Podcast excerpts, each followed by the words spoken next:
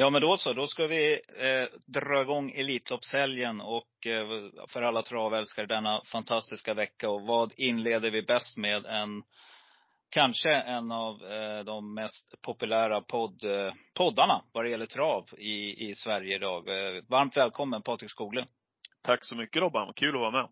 Mm, det är ju så att eh, du driver ju en podd som heter Travpodden tillsammans med Neves som ni brukar släppa lite olika tidpunkter, eller hur? Ja, precis. Vi försöker väl släppa ut den på torsdagar varje vecka. Så vi är ju poddkollegor i travets värld. Tycker att det är kul när det är Ja men att det är så många som är intresserade av sporten och som vill göra poddar och ja, när man gör det på fritiden och tycker att det här är bland det roligaste som finns. Så att ehm, ja, vi försöker komma ut en gång i veckan Eh, med ett avsnitt. Mm, jag håller med dig och jag har propagerat många gånger för det, att jag tycker det är viktigt att vi samarbetar och liksom försöker hjälpa varandra. För att eh, det finns alltid olika vinklar, alltifrån aktuella travomgångar till saker som sker inom travet. Så att eh, det är jättekul att du vill vara med här i Travovalen. En Många av mina lyssnare vet jag vill eh, ha populära gäster och då, då är du en av dem. Men jag, du, blev, jag blev lite orolig där Robban, när det stod hemlig gäst stod det. Och sen eh, plötsligt så var det jag som var hemliga gäster. Jag tror att, jag tror att lyssnarna har större, större krav på hemliga gäster än vad, om det nu var jag som är hemliga gäst. Men det kanske dyker upp en till. Men jag tror de har större förväntningar eh, på det.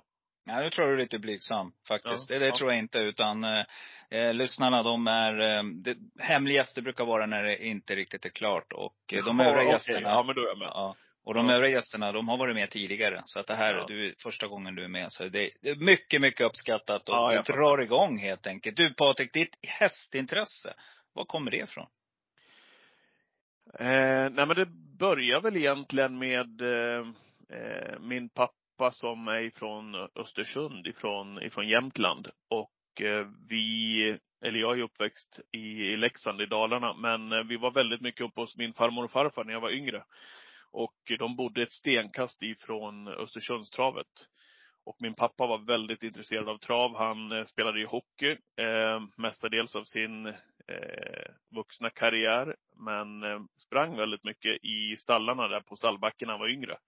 Och sedan har väl det där följt med. När jag har vuxit upp så har vi ofta åkt till Östersundstravet när jag var yngre och eh, hälsat på framförallt hos eh, Bertil Linderoth och hans eh, söner Micke och Per.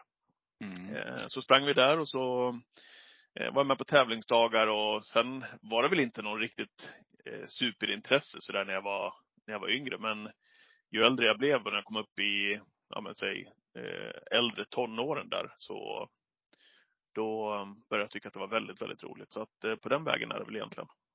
Mm, så att en, en, nästan lite likt min bakgrund också. Inte den där naturliga med hästar eh, i, in på knuten utan mer alltså utifrån sporten så kom intresset.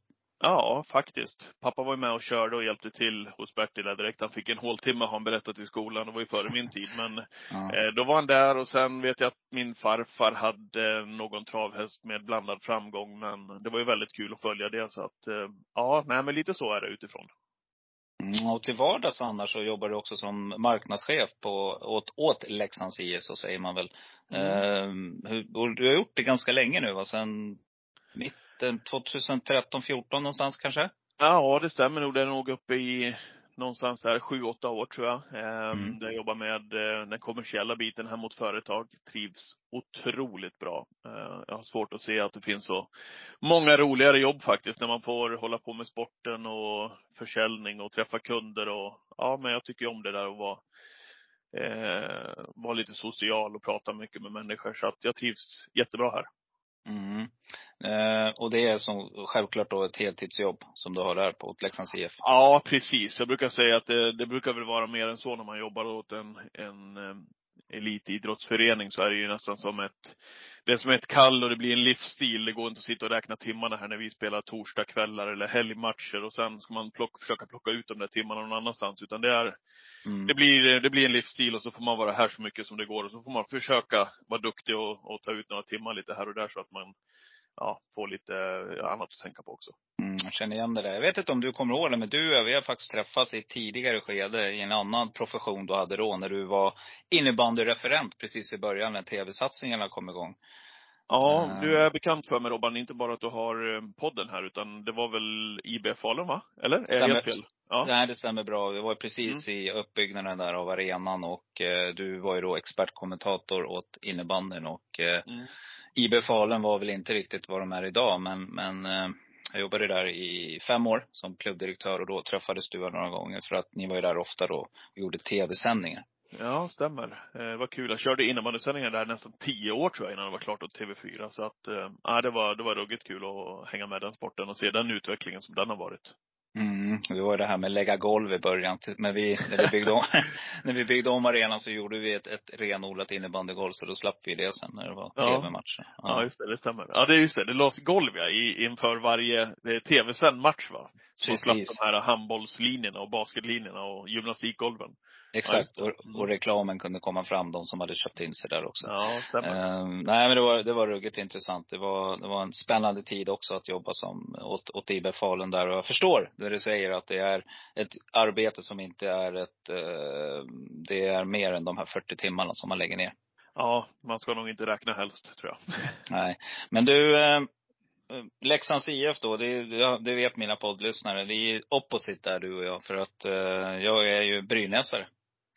Oj, oj, oj, oj, oj. Ska vi avsluta? Ska vi runda? Runda redan här? Ja. Nej, men det är väl så. Det är väl en hatkärlek. Det är väl fantastiska ja. derbyn. Och jag brukar vara i Leksand och kolla när det är Leksand-Brynäs. Tyvärr så har ju Brynäs förlorat mycket där uppe. Så att, eh, men nej, det är ruggigt Ja, nej, nej. Skämt åsido, det är ju mm. Vi har ju otroligt bra eh, ja, men samarbete vid sidan av också givetvis. Sen är det ju full, full fight när det är dags för, för matcher när vi spelar om poängen. Men eh, självklart, vi har ju vi har ju en härlig kultur båda klubbarna och väldigt mycket supportrar runt om i hela landet. Så att eh, vi kan, vi kan dra, dra mycket lärdom av varandra också.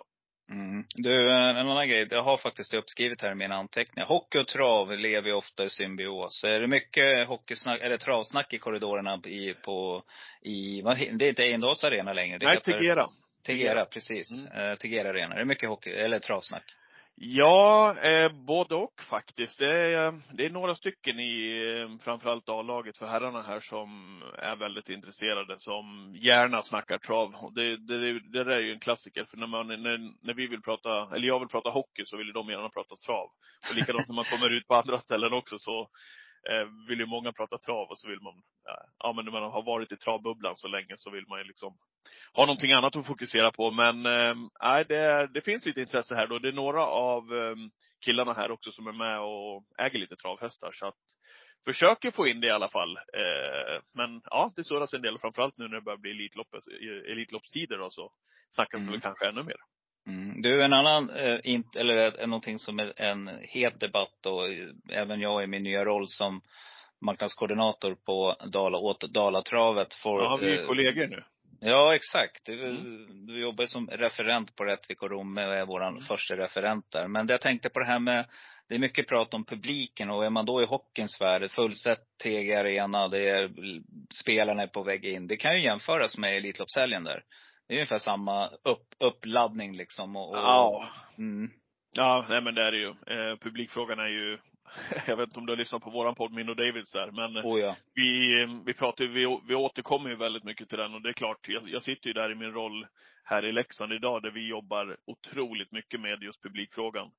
Eh, där vi tycker att arenaupplevelsen är, är den man ska bygga, ja men dels för kommande generationer men även eh, även för de evenemangen som vi har här och nu. Så att, eh, vi jobbar stenhårt med det och Elitloppet har ju gjort ja men det har ju alltid varit en publiksuccé och en, en av årets största happening. Även för de som kanske inte är jättetravintresserade, utan bara lite grann ute i, i periferin. Men de vill gärna åka på Elitloppet just för att uppleva Mm. stämningen. Och det är väl, ja men där jobbar ju vi också väldigt, väldigt mycket eh, med de bitarna här i arenan också. Mm. Eh, Elitloppet också, en, en eh, notering jag har gjort eh, som jag gått på sen, ja, bra länge sedan jag var på mitt första Elitlopp. Jag tror det var någon gång 90, början av 90-talet, 90 tror jag. Eh, en notering jag har gjort är att mycket mer tjejer som går idag och kvinnor som är på plats. Ja, superkul.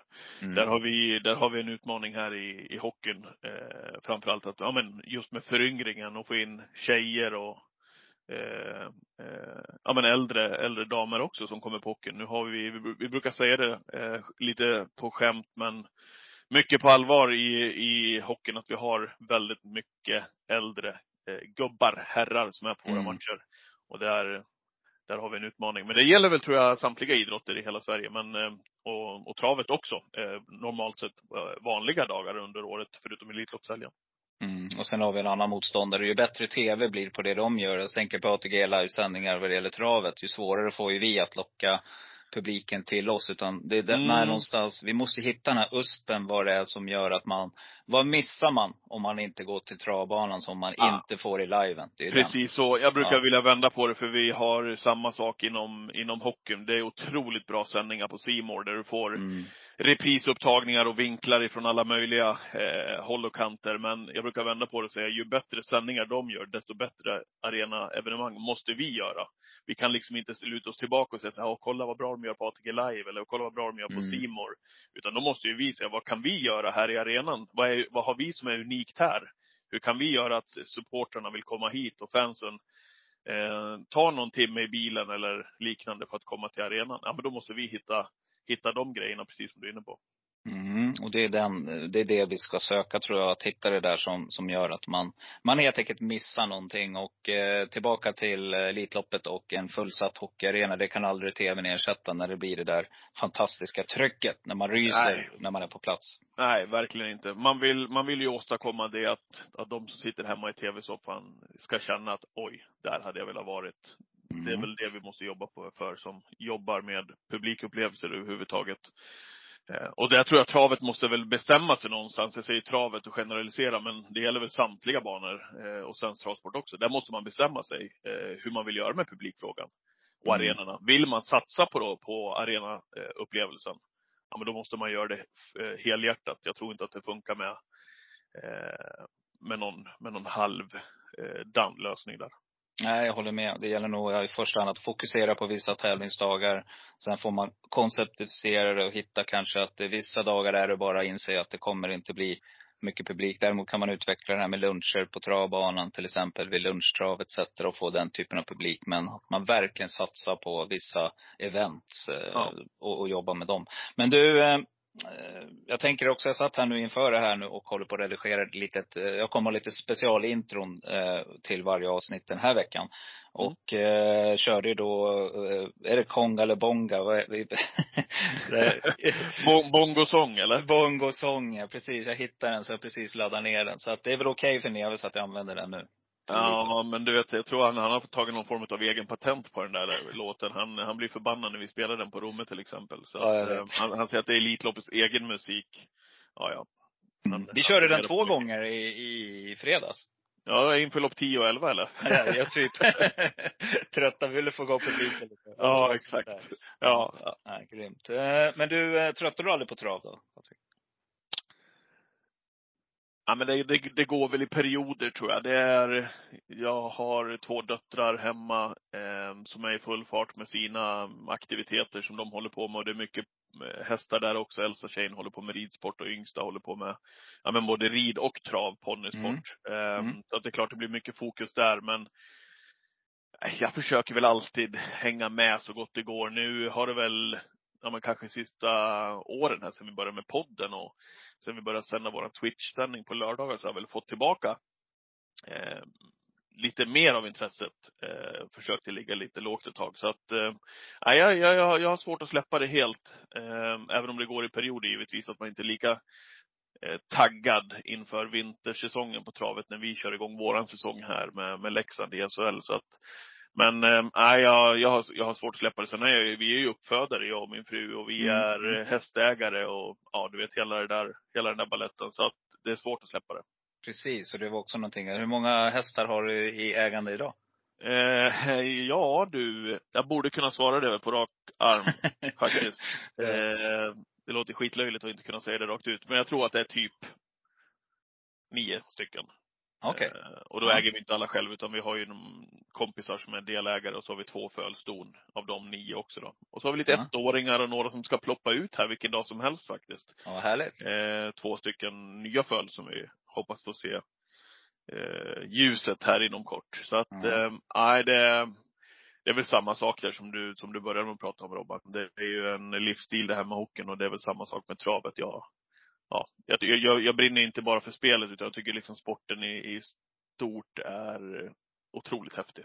Ja, jag håller med. Och eh, hör ni det alla lyssnare nu? Det, det är faktiskt så det är. Du, eh, ditt bästa, vi ska ju självklart börja fokusera lite grann framåt här nu, helgen som kommer. Men eh, ditt bästa Elitloppsminne, vad är det? Jag är så jäkla dålig på att komma ihåg årtal och sådana saker. Jag är otroligt usel när vi sitter och gör våran podd också. För det, men där är David som ett eh, Mm, eh, orakel. Ja, orakel och två. verkligen. Ja men verkligen. Och kan tider och årtal och sånt där. Jag är helt Ja. blown away när vi börjar prata om sådana där grejer. Ja. Eh, däremot kan jag komma ihåg lite prestationer som tur är än så länge. Eh, ja, men bästa Elitloppsminne, det måste ändå vara Bold Eagle när han vann eh, sitt Elitloppsförsök. Det, jag har väl aldrig känt så riktigt när jag har suttit och kommenterat. Jag har ju alltid varit, ja, men jag har alltid pirr när man sitter och kommenterar Elitloppet. Mm. Som man ska ha givetvis. Eh, Det är en stor sändning och det är ett lopp som man kommer lyssna på förhoppningsvis många, många år framöver. eh, Just det referatet. Så att det, det vill ju att det, att det sätter sig.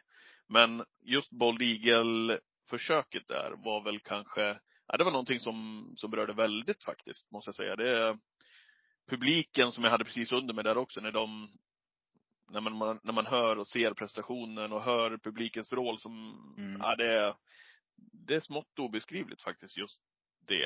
Eh, Och det kommer jag ihåg, den känslan just där och då, den var, den var speciell. Har inte upplevt så många gånger. Så att det, det är väl Bold Eagle-försök och sen har jag Maharaja till exempel när man nere i Mm. eh, Prix som en av eh, de absoluta höjdpunkterna. Men det var ju Prix det. Du frågar kanske Elitloppet. Mm. Nej men, eh, och det är inte för inte som jag har plockat tillbaka ett av mina favoritintron och det är när du räffar in Bold Eagle där på eh, och, eh, men det som jag tycker är lite intressant som jag fångade, för att det var ju efteråt när en annan Skoglund frågade dig, vad sa Per. du? Och så, per, exakt. Och då, då, då tappar du rösten för en sekund och hostar Ja. till och säger att jag är helt borta. Och det, Ja, kommer få höra det- det här nu.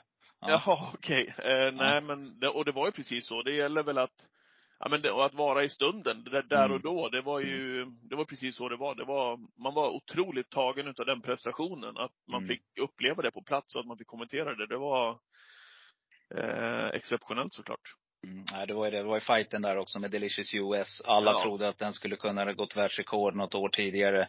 Men alltså, jag kom, och det är precis det du säger, för jag satt ju på Valla krog då. Jag kommer ihåg alltså hur han såg ut, Bold Eagle, på upploppet där. Alltså jag har hela upploppet kvar i mitt minne tack vare, det varit helt tyst inne på Valla krog efteråt. Alla bara, vad var det som hände? Det där var någonting, alltså det är för mig också absolut ett av de bästa minnena. Sen är det självklart Kopiad och eh, Pine Pine Chip Chip. också deras. Ja, den där kommer jag aldrig glömma heller, den upploppsduellen. Nej, det är sjukt. När du sitter och beskriver det Robban nu, den här Bold Eagle-grejen, då får man, Ja. det, så håret reser sig på armarna faktiskt. Ja. Ja, ja det var, Visst var det en omstart sen i, i, i finalen? ja han var ju inte alls på humör. Nej. Eh, Utan det var ju, det var ju väldigt mycket strul kring honom och han hade ju tyvärr gjort sitt lopp, eh, Ja. Bold Eagle redan i försöket. Han gick ju all in där. Ja, det kan man Eh, lugnt säga. Jaha. Så Ja. att, eh, ja tyvärr för finalens eh, skull. Men eh, nej, det var, det var oerhört att se en sån prestation. Man såg väl inte riktigt den komma även om man visste att han var, att han var väldigt bra. Ja, nej, häftigt. Eh, Okej, okay. vi eh, laddar, vi ska göra så här, vi ska skumma igenom lite grann, eh, jag tänker lördagens V75 också. Det är lite intressant eh, att höra. För nu har ju, dels så hade ni ett uppsnack i eran podd, vet jag, ganska snabbt här efter att startlistan har kommit ut. Men nu har du fått eh, sova på saken, du kanske har lite förändringar i hur du tänker. Så att eh, V75 1 har vi då eh, Lady Snatch lopp, klassiskt lopp det här. Eh, 1640 och favorit kommer nog att bli nummer två, Kalis Smart. Eh, Eh, stå, hur tänker jag? Vet att, eh, jag för mig att ni pratade om Marion Fottebon här i podden. Ja, eh, det var väl framförallt Kristoffer Axén från Spelvärde där och, David mm. som pratade om Marion Fottebon. Nej men jag tror ju att Carly Smart går i hand med den här eh, uppgiften. Hon är anmäld barfota runt om igen såg jag på listorna här i, mm. i helgen. Hon har fått läget, hon är väl eh, bästa hästen. Eh, jag tror att hon har en, en, en jättechans, nästan oavsett hur loppet blir kört. Eh, sen gillar jag den här Heliade Gautier, eh, som jag ser bara är sträcka på runt 10 procent just nu. Mm. Om man, om man vill gardera Carly Smart så tycker jag att hon är väldigt, väldigt tidig där bakom. Nu har ju Sayonara och Marion Fotobon dragit mer streck än henne, men hon är bra, Heliade Gautier. Mm, synd för deras friend där från spår 8, annars hade det kunnat vara Ja, vart ju bortlottad där, ja. eh, därifrån såklart. Ja. Du, V75 2 så har vi eh, Diamantstot och eh, favorit här just nu är ju nummer tre, Hanneflör Medras med mm. Ulf Olsson. Stenströmers. Ja, med all rätt måste man väl ändå säga på intrycket i den, i den senaste starten i Färjestad var det va? Om jag inte yep. missminner mig. Yep. Eh, när hon såg väldigt, väldigt bra ut. Uffe har ju också bra ordning mm. på hästarna för dagen har vi ju sett. Eh, när han har haft Borups Tornado och några till som har varit ute och varit väldigt, väldigt fina. Så att um, han har ju också mm. fått läget här, Stenströmer. Eh, du, Borups Tornado har jag bommat på två gånger. Dels när han vann för två starter sen va? Eller tre starter sen på V75 på typ 5-6 häst. Och likadant gjorde jag nu i lördags på sju häst tror jag, på mitt system. Så plockade Oj. jag bort, ja, plockade jag bort mm. den. Eh, tog med lite roliga skrällar som vanligt och sådär. Men, men, ja, men det kan man ju. Så att eh, den hästen, ja, den har kostat mig lite pengar kan jag lugnt säga. Sånt händer. Ja. Eh, jag, jag, kan ta fram en, eh, en häst faktiskt som har gått eh, väldigt mycket mm. under radarn i, i V752. Det är nummer ett Queen Ligus som spelar på 4 procent. Jag kollade nämligen den, hade ett väldigt eh, nära eh, koll och nära öga på den när den startade på Kalmar. Jag tror att det är fyra starter sedan när La Ferrari vann. För då hade vi med våran egen uppfödning. Eh, Cigars Eagle Owl. Mm. Eh, och våran häst var väl tvåa tror jag, eh, bakom vinnaren. Men den här Queen Ligus gjorde ett jättelopp den gången som trea. Och sen har jag följt upp eh, henne, hon är nästan alltid underskattad. Hon vann ju loppet därpå. Sen var hon ju trea till 30 gånger pengarna eh, näst senast och så var hon tvåa eh, senast på ett bra sätt också på Jägersro. Eh, mm. Faktiskt. Och hon har, ju, hon har ju fått ett bra läge, hon var två bakom Jeans and Passion. Henne kan man faktiskt tänka på. Hon är hon är ofta underskattad och kommer bli så från det här läget också nu på lördag. Spår 1 är ett riktigt skrällspår. Eh, jag brukar plocka med just de spåren när, eh, när jag garderar. För det brukar, de brukar få bra resor där på innespår. Ja, verkligen. Ja. Nej, men man kan lyfta henne i alla fall som en singelprocentare. Det kan vara kul. Ja. Jag kan nämna en här också som kan vara intressant. Jag tycker att eh, nummer 12 med Erik Adielsson här på ett eh, springspår Uh, hästen är, har sett bättre ut igen tycker jag och nu galopperar man ju sist men var riktigt bra som tvåa där på Halmstad. Uh, på en 13-tid. Uh, och med Eriksson, Adielsson där, ja, vi vet ju alla hans startsnabbhet så tycker jag att den är mm. intressant. Jag skulle säga att han är, skick, han är skickligast i landet kanske från springspår. Ja. Det är min take faktiskt. Jag tycker att han är, han är ruggig att pricka oavsett om det är, ja men, Eh, springband eller ja, vad det nu handlar om. Bara han får, bara han får vända upp där ute och komma med fart så är det, det, det är ofta han prickar i alla fall. Mm. Men jag kryssar för Queen League som är rolig här faktiskt. Eh, ja. Eh, jag har ett eget avsnitt där jag kör som heter Solklar och tänkbar ensam kvar. Och det här är helt klart en ensam kvar häst. 4 procent just nu. Helt perfekt på lördag. Ja, eh. man, man, får ta det för vad det är. Men ja, hon, är, hon, är, hon är bättre än vad spelarna eh, mm hittills i alla fall, tycker. Mm. Sen är det så här också, det ska man ju tänka på, att det är väldigt snabba banor. Det brukar gå ruggigt fort, det brukar vara svårt att ta på tillägg. Så att eh, eh, det är bra att sitta i den främre träffen på Mm. både lördagen och lördagen och söndagen. För det brukar gå fort. Alla är liksom, eh, det blir något annat, eller hur? På Elitloppshelgen. De kör ju som galningar alla. ja, verkligen. Ja. Ja, men så är det. Eh, Ja. Jag bara hoppas nu att förutsättningarna, jag såg att det var lite oroväckande väderrapport som Ja. över, över Stockholm här till helgen. Så jag hoppas bara att regnet håller sig borta så att vi får den där sporten som vi, som vi verkligen vill ha. Med, med de här, precis som du säger, med snabba, snabba tiden och snabba banorna. Ja, Jag hade lite, jag vet inte eh, om du har lyssnat på, jag hade ju Robert Berg som gäst och då pratade vi om när han vann med Nahar. Mm. Eh, och då berättade jag att eh, både jag och brorsan hade spelat vinnare på han på förhandsspelet.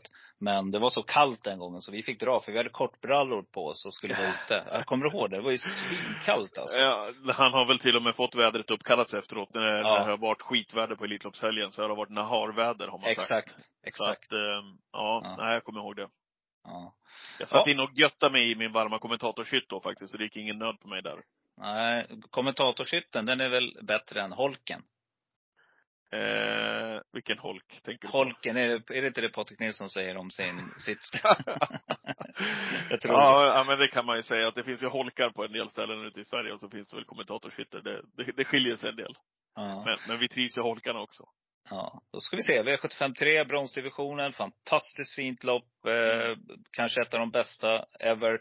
Där eh, intressanta, där att Örjan Kihlström valde att köra nummer fyra Bugatti Miles före nummer två Epimetthew som får Björn Goop i jollen. Det är ganska jämnt spelat mellan dem. Eh, vem rankar du först och hur tänker du i det här loppet? Ja, jag, rankar nog trots allt eh, Ridley Lavecchetta på, på hans Mm. prestationer här på sistone. Jag tror att han kan få loppet, att det kan vara hans tur den här gången. Jag tycker att han är väldigt, väldigt bra. Fullt medveten om att han fick stryka Bugatti Miles i den senaste starten. Eh, men eh, jag tycker att han är jag tycker att han är så pass bra att, och jag tror också att utvecklingen för varje lopp han får starta i de här sällskapen eh, kommer också. Eh, han var ju med i derbyt i fjol, till exempel. Så att Mm. eh, han tycker jag är väldigt tidig. Eh, och ja, ligger bara på 10% just nu från det där läget. Redéns duo är självklart bra, men det vet ju alla redan. Eh, Orkan von Haitabo eh, ska tävla barfota runt om igen, nummer 9 tycker att det är en väldigt fin häst också. Så att, eh, och, och kan, få, kan få loppet i draget här när han rygg på Epimetheus. Så att den är väl också tidig. Två stycken 10 procentare. Vad, vad känner du? Eh, nej men det är de du nämner. Ska jag nämna någon? Och så har vi Boris Tornado såg jag. Han dyker upp igen här. Så Ja, det får vi ja, det lär jag göra nu. Men jag tycker nummer 10 Turella och Johan Untersteiners också är intressant. Den, den, vet att han har väldigt höga tankar om den. Eh, kan få dra, gå med några ryggar här så kör de ihjäl varandra framme så kan den vara intressant. Ja. 2 procent just nu på den. Ja, det är, vad var det du kallade det? Ensam, ensam, Kvar. Ensam kvar häst ja. Precis, precis. V75 4, vi har klass 2 och eh, vi har kommit en bit här nu. Här gäller det att vara med och här Robbans nummer två Kagan är ute. Gjorde en liten sämre prestation sist i, i, på Charlottenlund men eh, där skyller man på banan. Och att han tar spets här, det tror jag inte att det råder någon tvekan om. Men frågan är, är det, den, är det ditt första streck? Nej, det är det inte. Det är eh, skittråkigt svar, men det är Luke Schermer. Med Ja. tanke på prestationen just på Charlottenlund i den senaste starten. Det var Han går alltså drygt 11 eh, full väg eh, och är i mina ögon befogad eh, stor favorit. Eh, jag måste säga det. Jag tycker att han är han eh, visar någonting ändå, att han inte hör hemma i den här klass 2-finalen egentligen. Så att eh, det är, det är min första häst. Men å andra sidan så är han ju ganska så osexig till sina 51 procent också. Eh, Kentucky River då? Barfota runt om och med bike Mm, anmäld. Mm. Måste man väl ändå ta till sig när det lyser rött eh, överallt. Har inte tävlat barfota runt om hittills i Nordströms regi heller. Biken på. Mm. Den där är Spännande bra. att se vad han kan göra. Ja, han är riktigt bra när han, eh, när han sköter sig. Mm. Eh, som sagt, Kagan kommer dra där. Brasco Brodde är också bra. Eh, det här är ett riktigt, det kan vara sånt där lopp där man eh, mm, skulle Luke Sherman göra bort sig, då, då kan ju Ja, stort sett vem som helst. Ja. Men du, förra året var det också en Sherman-häst. Jag spikade någon, eller någon, vad hette den som var ute på lördagen där? Eh, jag letat King efter den. Schermer? Ja. Nej. Var det det? Var det den? Jag Nej, det jag var, det var en, bara tvärvann i alla fall. Var hur bra Okej. som helst. Ja. Eh, Alltså, spikade den, sprack i sista på, jag tror var sju hästar också. Eh, Ja. Och valde mellan eh, vinnaren och Dragster. och gjorde Ja, bort mig där. Så att, eh, och jag hade en konversation med brorsan för han hade mer än andra men ja, så, sånt är livet. Eh, yes, nej men det här är väl, nej det var helt grymt. Det var ju mycket pengar där på, på den lördagen så. Ja. Ja, det har varit så. Jag var lite stolpe ut, vet. Fått in lite roliga emellanåt. Men nej, lite stolt. Hur går det för dig förresten? På spelande? Åh, herregud. Det är väl upp och ner. Eh, jag tycker att det där, det där är, det är väl många som känner igen sig det. När, när formen är där, eh, när man får in lite lir, då känns det ju verkligen som att då, då, då kan man spinna på ett tag Mm. när hjulet är varmt. Då, då, då kan det ibland kännas som att ja, men nästan vad som helst man spelar på sitter eh, under en viss period. De perioderna är ju tyvärr inte lika eh, ofta förekommande som de andra perioderna när det går tyngre. Så att. Eh, Det är väl som de- för de flesta spelare eh, blandad framgång. Men eh, som sagt, man får, man får passa på att spinna när, när man känner att man har lite flyt faktiskt. Och nu har vi Ja. haft, eh, vi har haft eh, lite tur här nu på spel och lekkontoret här där vi bygger våra system eh, här på sistone. Så jag hoppas att det håller i sig här över Elitloppshelgen också, för det brukar ju kunna ge bra utdelning. Ja, nej du har helt rätt. Det blir väl lite så också. Med framgångarna kommer mer intäkter och det betyder också att man vågar lite mer. Så att eh, Ja, men lite blir- så. Det brukar hänga ihop till det. Kanske att man lägger till någon häst extra också så slinker den in. Så att eh, det kan Ja. nog vara så. Bonus V75 Tornado till exempel. Ja precis, den plockar vi med. Men, ja, men det finns några, men jag håller med dig. Luke Scherr med spår 9 får en perfekt resa. Kommer nog troligtvis bara att sticka undan. Men garderar Ja, tar jag med Brask och Brodd i alla fall. Det gör jag. Mm. Mm. V75 5. Vi har, eh, eh, ja, eh, ska vi se, Byggnads prostataloppet. Eh, de vill göra ett slag för det, vilket jag tycker är väldigt, Ja, är väl väldigt bra. bra. Absolut. Eh, vi är i den åldern nu också Patrik, att vi Ja, jag det är vet. dags- Är det dags att gå och titta eller får man en kallelse? ja. Ja. Jo, men det lär man göra liksom. Det är väl ett enkelt blodprov tror jag då som man kan ta. Så att, eh, mm. ja, det är viktigt. Yes, 2140 meter är det i alla fall. Och eh, favorit här kommer stå mellan nummer tre Under Armour och eh, ganska jämnt spelat, vilket förvånar mig med nummer åtta Charlie Brown FF. Efter den. Jag var på plats då när, när på Åby, när den fruktansvärd här. Ja. Lite Bowl Eagle-varning över den alltså. Ja. Nej, men alltså nu, med all respekt att jag omsatt drygt 300 000 på V75, eh, bara när vi pratar just nu Robban. Mm. Men eh, att, att, han är, att han inte ens är favorit, Charlie Brown för det, det måste jag säga att det, det förvånar mig. Mm. Nu, nu fick han ju spår 8, vilket gör att loppet öppnas upp en aning i alla fall. Men eh, känslan är väl när man såg Charlie Brown F eh, i den senaste starten att Rick Ebbinge kan lägga upp det här lite som man själv vill. Det är, Mm. Det är ju en häst som inte hör hemma i en klass 1-final, eh, rent kapacitetsmässigt. Under Armour är ju bra såklart, men eh, att Charlie Brown F ska vara favorit, det tycker jag inte eh, det ska vara en snack om. Nej, Vi har ju Faktiskt. en, en romebördig häst, vi har flera eh, också. Men en häst som det har Mm. varit mycket ropet om, men som inte riktigt har levererat. Men som man säger tränar väldigt bra. Det är ju nummer 11, Hefneram. Som jag har jagat eh, Mm. Hefnerham här i varenda start faktiskt och betalat för honom. Jag har inte riktigt fått till det. Nu återgår man till vanlig vagn igen. Mm. Ja, det är klart. Man kan, man kan ta med den för, för att det är en procent om man garderar upp loppet. Definitivt på kapaciteten. Men jag vill också att han får till det snart, Hefneram. Det är, det är lite för ofta som man inte eh, kommer upp i leverans.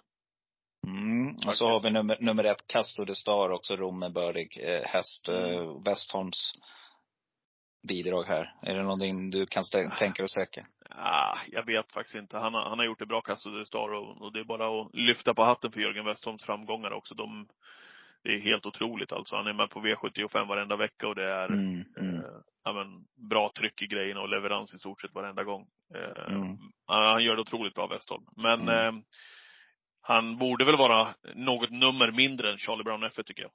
Mm, ja, jag håller med. Men eh, tillbaka till det där med startsnabbhet. Det är Westholm är ruggigt startsnabb. Ja, framförallt så känns de ju så otroligt eh, stabila, många av hans hästar. Att han liksom kan skicka eh, Mm. med dem oavsett om det är voltstart eller eh, bilstart. Det är en bra iakttagelse av det tror jag. Eh, nu sitter inte jag med någon statistik på det där men feelingen är i alla fall att, precis som du är inne på, att han kan, eh, han kan skicka från de flesta lägena och ofta få bra positioner i loppen med hästarna. Mm. Nej, intressant. Eh, jag ska ja. försöka nå Westholm inför hans och framförallt inför avslutande omgången som vi snart kommer till. Mm. Eh, då ska vi se. V75 6 är vi inne på. Men förresten, jag backar ett band här. Jag tänker V75 5, där brukar jag säga att där brukar det smälla för att det är där man har lagt top 7 också. Eh, ja, är det så? Av en mm. anledning. Mm. Ja, så mm. att man ska vara lite vaksam där. Och så här nu jag reflekterar på det så ser jag att det är ändå två huvudfavoriter, nummer 3, och 8 det kan finnas i pipen här att de kör ihjäl varandra och då ska man nog leta kanske bland de här hästarna vi har pratat om och kanske någon till. Mm. Eh, Det är väldigt jämnt spelat för övrigt här och det finns intressanta skrällbud. Så att, eh, och ha det i åtanke, top 7, där brukar man lägga loppen för att det ska vara spelvänligt. Eh, V756, där har vi då silverdivisionen och, oj, jag vet inte vad jag ska säga. Så här har vi ju säkert ett par hästar som vi i framtiden kommer att få stifta bekantskap, till och med i Elitloppet tror jag, kanske någon av dem.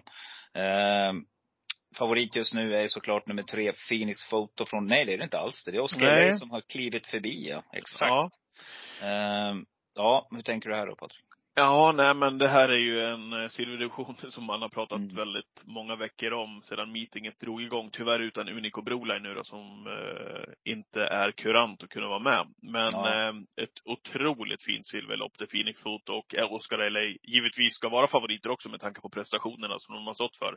Eh, David varnade lite grann för, här i vår lucköppning, för Global Bookmaker. Jag köper den varningen faktiskt. Biken på igen, gick bra, eh, har gått bra här på sistone, gick bra, väldigt Mm. eh, bra som tvåa här i Gävle eh, i den senaste starten. Har läget eh, och är väldigt lite spelad.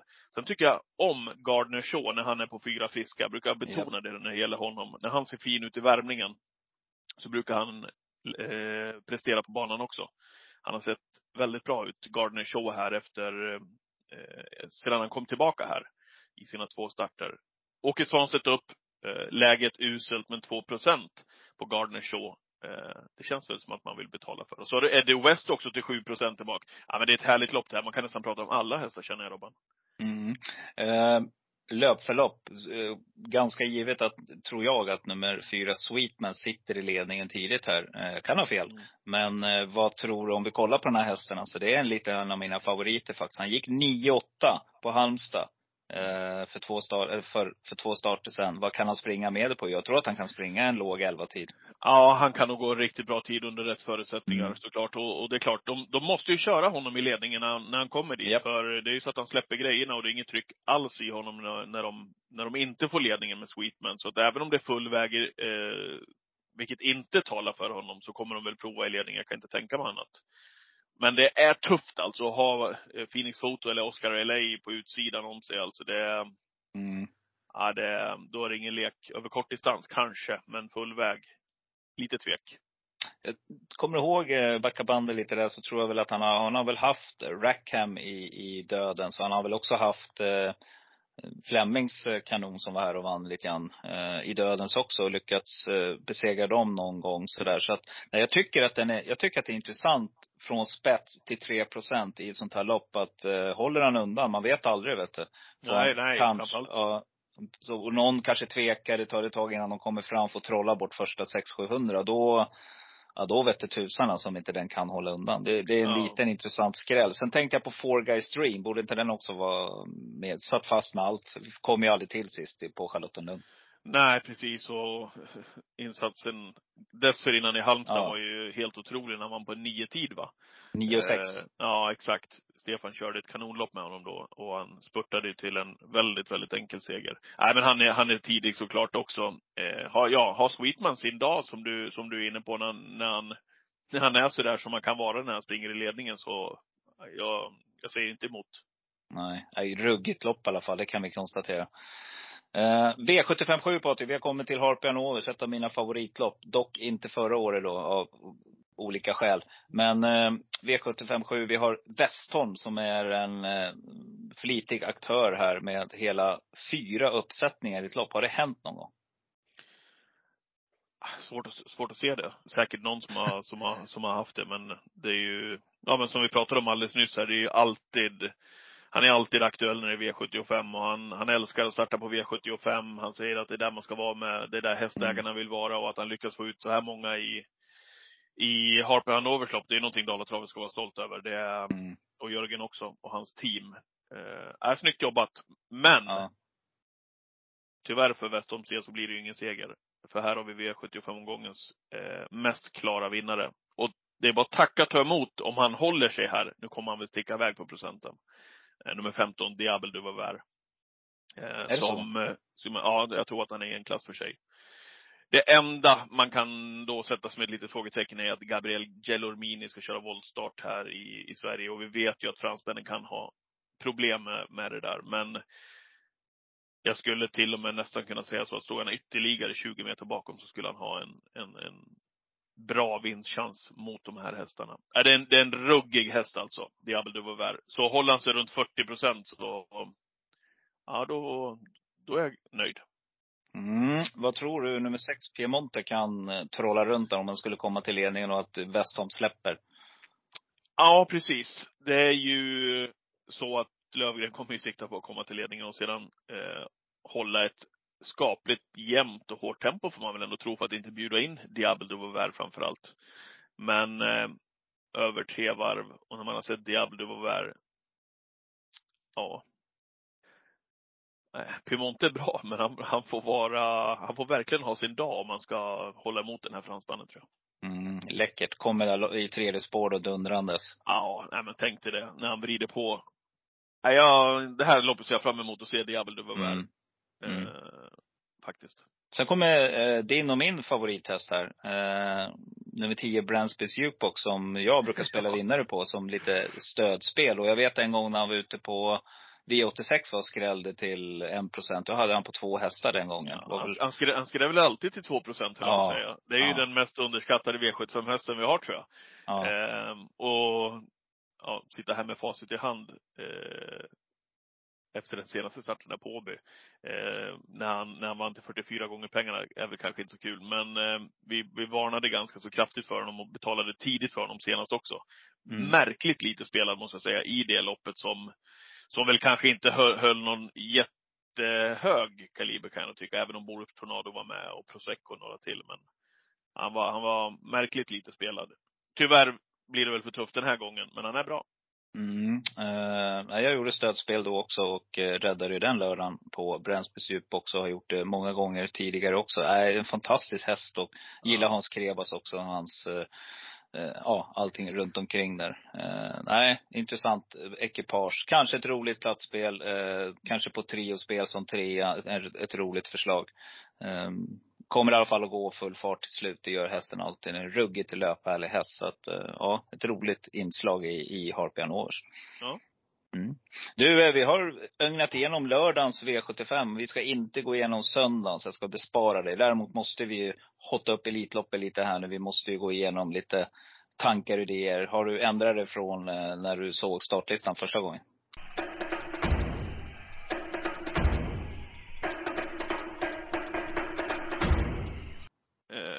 Sa jag då? då? Ja, vad, vilken vinnare hade ni i podden där? Det Eh, ja. Du, Nej, men då är det svårt hade- att ta ut en fjärde häst. Ja, just det, så var det. Eh, nej, men jag hade väl, och har väl fortfarande Don Panucci sett som, som min vinnare. Eh, det som är spännande ändå, tycker jag, när, det är ju nu att de, de ligger på V75 sedan ganska så många år tillbaka, de här loppen. Och Mm. Örjan Kihlström eh, är ju favorit med Don Panucci sett i V75 2 på söndag. Eh, däremot så tror jag inte, eller jag är ganska övertygad om att han inte går all in i, i något försök. Eh, han kan nog safea in Don Fanucci sätt att vara tvåa, trea någonstans där. Eh, och ändå få ett skapligt läge i finalen. Så att som favorit på V75 vill man ju inte springa på Don Fanucci sett i, i försöket där. Eh, inte jag i alla fall. Eh, där tror jag Cockstyle har en eh, Mm. vettig vinstchans faktiskt. Så att eh, det beror på hur vi ser det. Om vi ser det som V75 2 eller om som slutsegrare i Elitloppet. Det där är två olika tankar man får hålla isär. Ja, vi eh, utgår då från försöket där och där, där tycker du att Coxta är ett roligt eh, vinnarspel. Men eh, om jag tolkar det rätt så tror du att Don Fanucci sett tar sig final och därifrån blir hästen farlig. Ja, jag tror att han är, eh, jag tror att det är han som kommer att stå som slutsegrare på, på söndag, men inte i V752. Om du hade fått ett, om du hade fått spela för två år sedan eh, och spela Don Fanucci Zet vinner av Elitloppet från försöksspår åtta i båda omgångarna, hade du tagit det? jag kommer ihåg när Don Fanucci Zet startade på, eh, hos oss Robban, på, på. Romme, eh, på V75. Han var ju otroligt färsk. Var han i lägsta klassen kanske? Just det, just det. till ja. och med, eh, från spår 10. Och eh, David hade pratat med eh, Örjan Kihlström inför det loppet och var ju, ja, men så övertygad om att Don Fanucci skulle lösa den uppgiften. Jag tror jag garderade till och med. Eh, och det var väl inte då han visade vad, vad det skulle komma, men eh, någonstans så förstod man ju ganska så tidigt ändå att de höll den här hästen väldigt, väldigt högt i stallet. Men som svar på din fråga, eh, nej, där och då så hade man väl inte eh, gått all in på Don Fanucci sätt. Ruggig utveckling. Han ser inte så mycket ut för världen heller kan jag tycka när man, när man ser dem från sidan, utan det är väl just det att han har, eh, han har ingen eh, dålig egenskap. Han är bra på allt. Eh, och så är det ett otroligt löphuvud på honom. Så att, nej, det och så ja. kombinationen grön kusk där, som eh, världens bästa kusk kanske. I Örjan, ja. Ja. Mm. Det är liksom, eh, bara det gör ju mycket här hemma i, i Sverige så är han, är nummer ett. Ja. Eh, så enkelt är det. Eh, sen tycker, jag ju, sen tycker jag när de kommer ner på, på Vincent till exempel, som jag sagt tidigare mm. också, så är ju Björn Goop, mm. eh, i och med att han har sån rutin och skaffat sig sån erfarenhet nere på Vincent, tycker jag att han är den bästa svenska kusken. Men det är inte så konstigt heller med tanke på hur mycket han kör där nere. Örjan kör ju betydligt färre gånger eh, nere på Vincent. Mm, Men eh, här i Sverige, Örjan etta, absolut.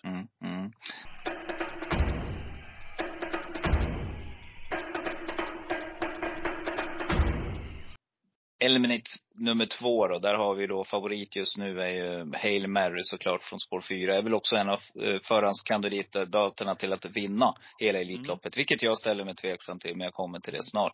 Uh, ja, vad säger du här då Patrik? Är det Ja men ett, eh, ett lurigt försök, får man väl ändå säga. Eh, han har säkert bra vinstchans här, Hail Mary. Det är väl den hästen som sitter i ledningen upp till 500 meters passeringen, eh, får man väl tro. Hoso kommer ju öppna eh, bra, men vi har sett också eh, att han har sjabblat till lite grann med, med mm. aktionen faktiskt mm. i, i första svängen.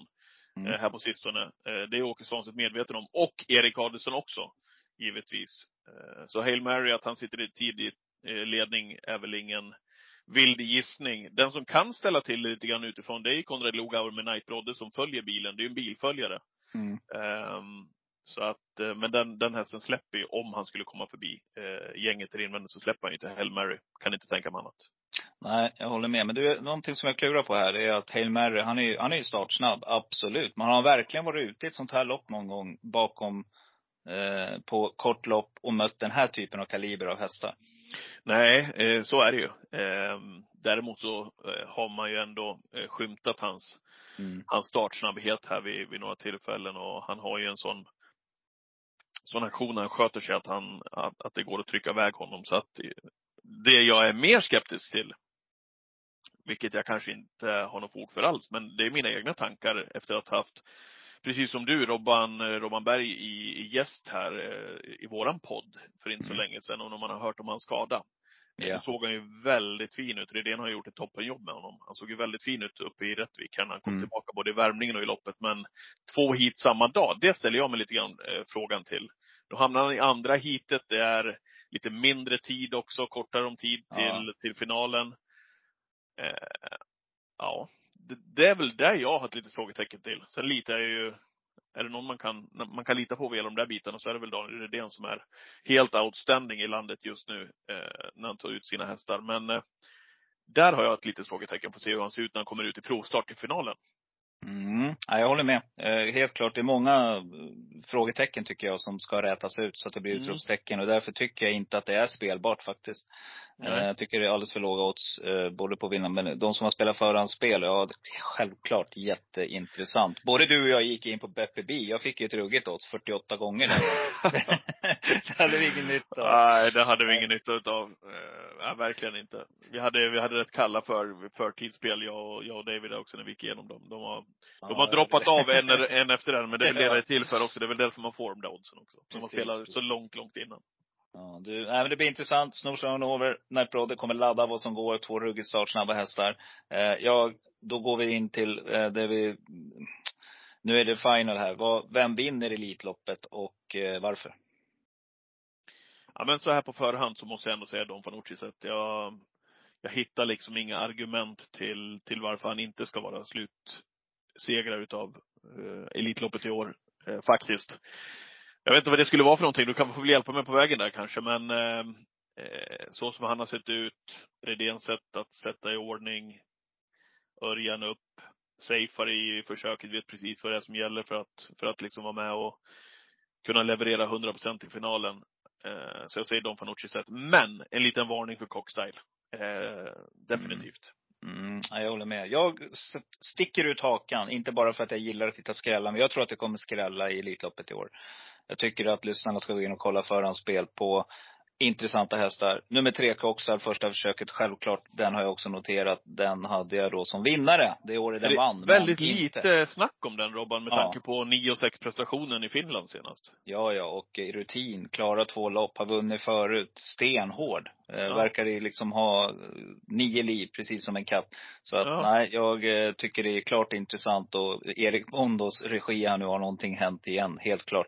Mm. Eh, nej, jag tycker den är ruggigt intressant. Eh, tycker nummer två, Brother Bill, samma försök där är ruggigt intressant. Nurmos är lyrisk tydligen i jobben. Jag vill se vad Admiral As kan och jag skulle kunna våga. Det är också en sån här ruggig långsida. Förra året, kommer inte ihåg, på hösten där, någon av finalerna, när han bara växlade. Kommer du ihåg det, Kihlström? Eh, det gick ett ganska bra tempo där framme. Men det var en helt annan växel. Han bara kommer fram, lägger sig dödens och sen vinner han ganska plättlätt. Men jag tycker den här hästen, tar den sig bara till final, då tror jag den blir livsfarlig. Jag nämner också nummer åtta Extreme. Dels på grund av att Björn Goop kör och att eh, hästen är bättre, tror jag, förberedd än vad vi tror. Det har varit fullt fokus på, från Sten till den här dagen. Man vet, och Sten Hjul också rutinerad, vet vad man gör. Man vet hur man förbereder en häst. Jag tror det smäller, helt enkelt. Jag tror inte någon av de här favoriterna vinner. Utan jag går ut hårt här och eh, kommer göra lite roliga förhandsspel på de hästar som jag har nämnt. Kul! Mm. Bra att du kommer med den vinkeln och sitter här och tippar favoriter. Precis. Men Ja. eh, du gillar ju också skrälla Patrik, så du kanske lägger Ja. något stödspel där. Vi kan göra det tillsammans. Du, Ja, vi kommer att, jag vill tacka dig sjukt mycket för att du var med. Som vanligt så drar det alltid över tiden. Vi sa ah, 2025, då blir vi 50. Ja, precis. Men det spelar ingen roll. Det kunde få bli en och en halv timme för mig också när man sitter och pratar trav och Elitloppet. Så att, eh, det var bara kul att vara med. Ja, vi får all tid i världen. Vi kommer synas på Rom och Rättvikstravet framöver. Så att, eh, Ja. all, och köra all lite bongosång också. Jajamän, det ska vi köra. Var, varje lopp. Det blir vår nya, det blir vår nya intro på, det är det vi ska, där, då kommer, då kommer publiken. Ja, då kommer publiken. Exakt. Du, eh, var rädd om dig Patrik, var rädd om familjen, eh, dig själv och eh, ja, ha det bra i Elitloppshelg och eh, god tur med spel. Tack detsamma. Så bra. Tack. Hej, hej, hej.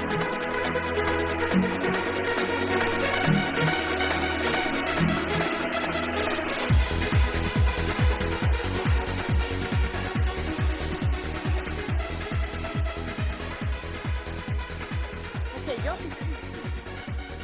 Nej, du låter jättebra. Du låter kanon. först lite. Tänk Ja, jag ja, ja. Sista solstrålarna innan regnet kommer. Självklart. Självklart. du, ehm, ut till helgen. Eh, Vi drar igång Sandra och jag vill börja med att säga superkul att du än en gång vill vara med här på Travvalen. Det är väl tredje gången nu tror jag.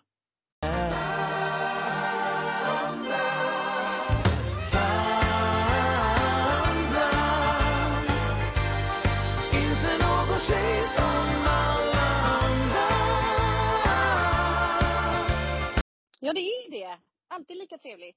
Ja, alltid lika trevligt. Och du, det är alltid lika trevligt att ha dig som gäst. Och innan vi startar så lovar jag mig själv att jag måste säga en sak. Och sen får du tolka det här bara som du vill. Men jag måste säga det att jag tycker att du är ruggigt bra i era tv-sändningar. Jag har sagt det förut, men jag, jag betonar det nu. Verkligen alltså. Det handlar inte bara om hur man ter sig i rutan. Utan det handlar och faktiskt för mig handlar det väldigt mycket om hur man eh, pratar om hästar. Och eh, faktiskt, ni står där som lite experter med, med dina tips också. Som jag tycker ofta är väldigt vettiga att ta ställning till. Så att eh, jag vill bara börja med det.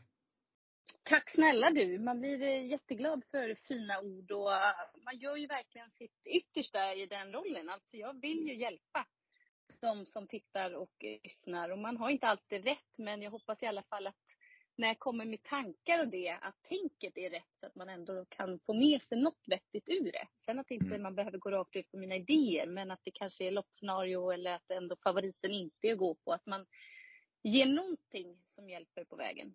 Mm, och eh, jag har ju noterat, så jag tror jag pratade med dig tidigare när vi spelade in podd också, att eh, du är lite programledare för GS75 och där ser man Eh, där blir skillnaden att där är du som leder lite konversationen. Tycker du att det står skillnad på det mot att, typ i det här formatet, att det var den som får frågorna?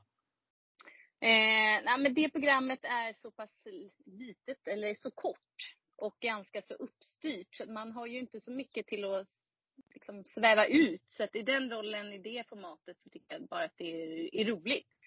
Men det är ju lite annorlunda att inte, eller att få vara med och styra frågorna gentemot när man står i studion i flera timmar som man inte följer köris och vad som helst kan poppa upp i frågeväg. Så att, eh, jag tycker båda delarna är väldigt roliga. Ja, jag håller med. Så jag, jag ser fram emot att få ta sida på den andra delen, det vill säga när någon frågar mig frågor. Eh, för att, eh, nej, det, det är två olika jag vet, jag hade ju Per Skoglund också som gäst här för något år sedan och han berättade att han hade aldrig varit med om det tidigare utan han har alltid varit den som ställer frågorna. Ja, det kan jag tänka mig. Ja, så för Har han du varit med i den motsatta rollen då?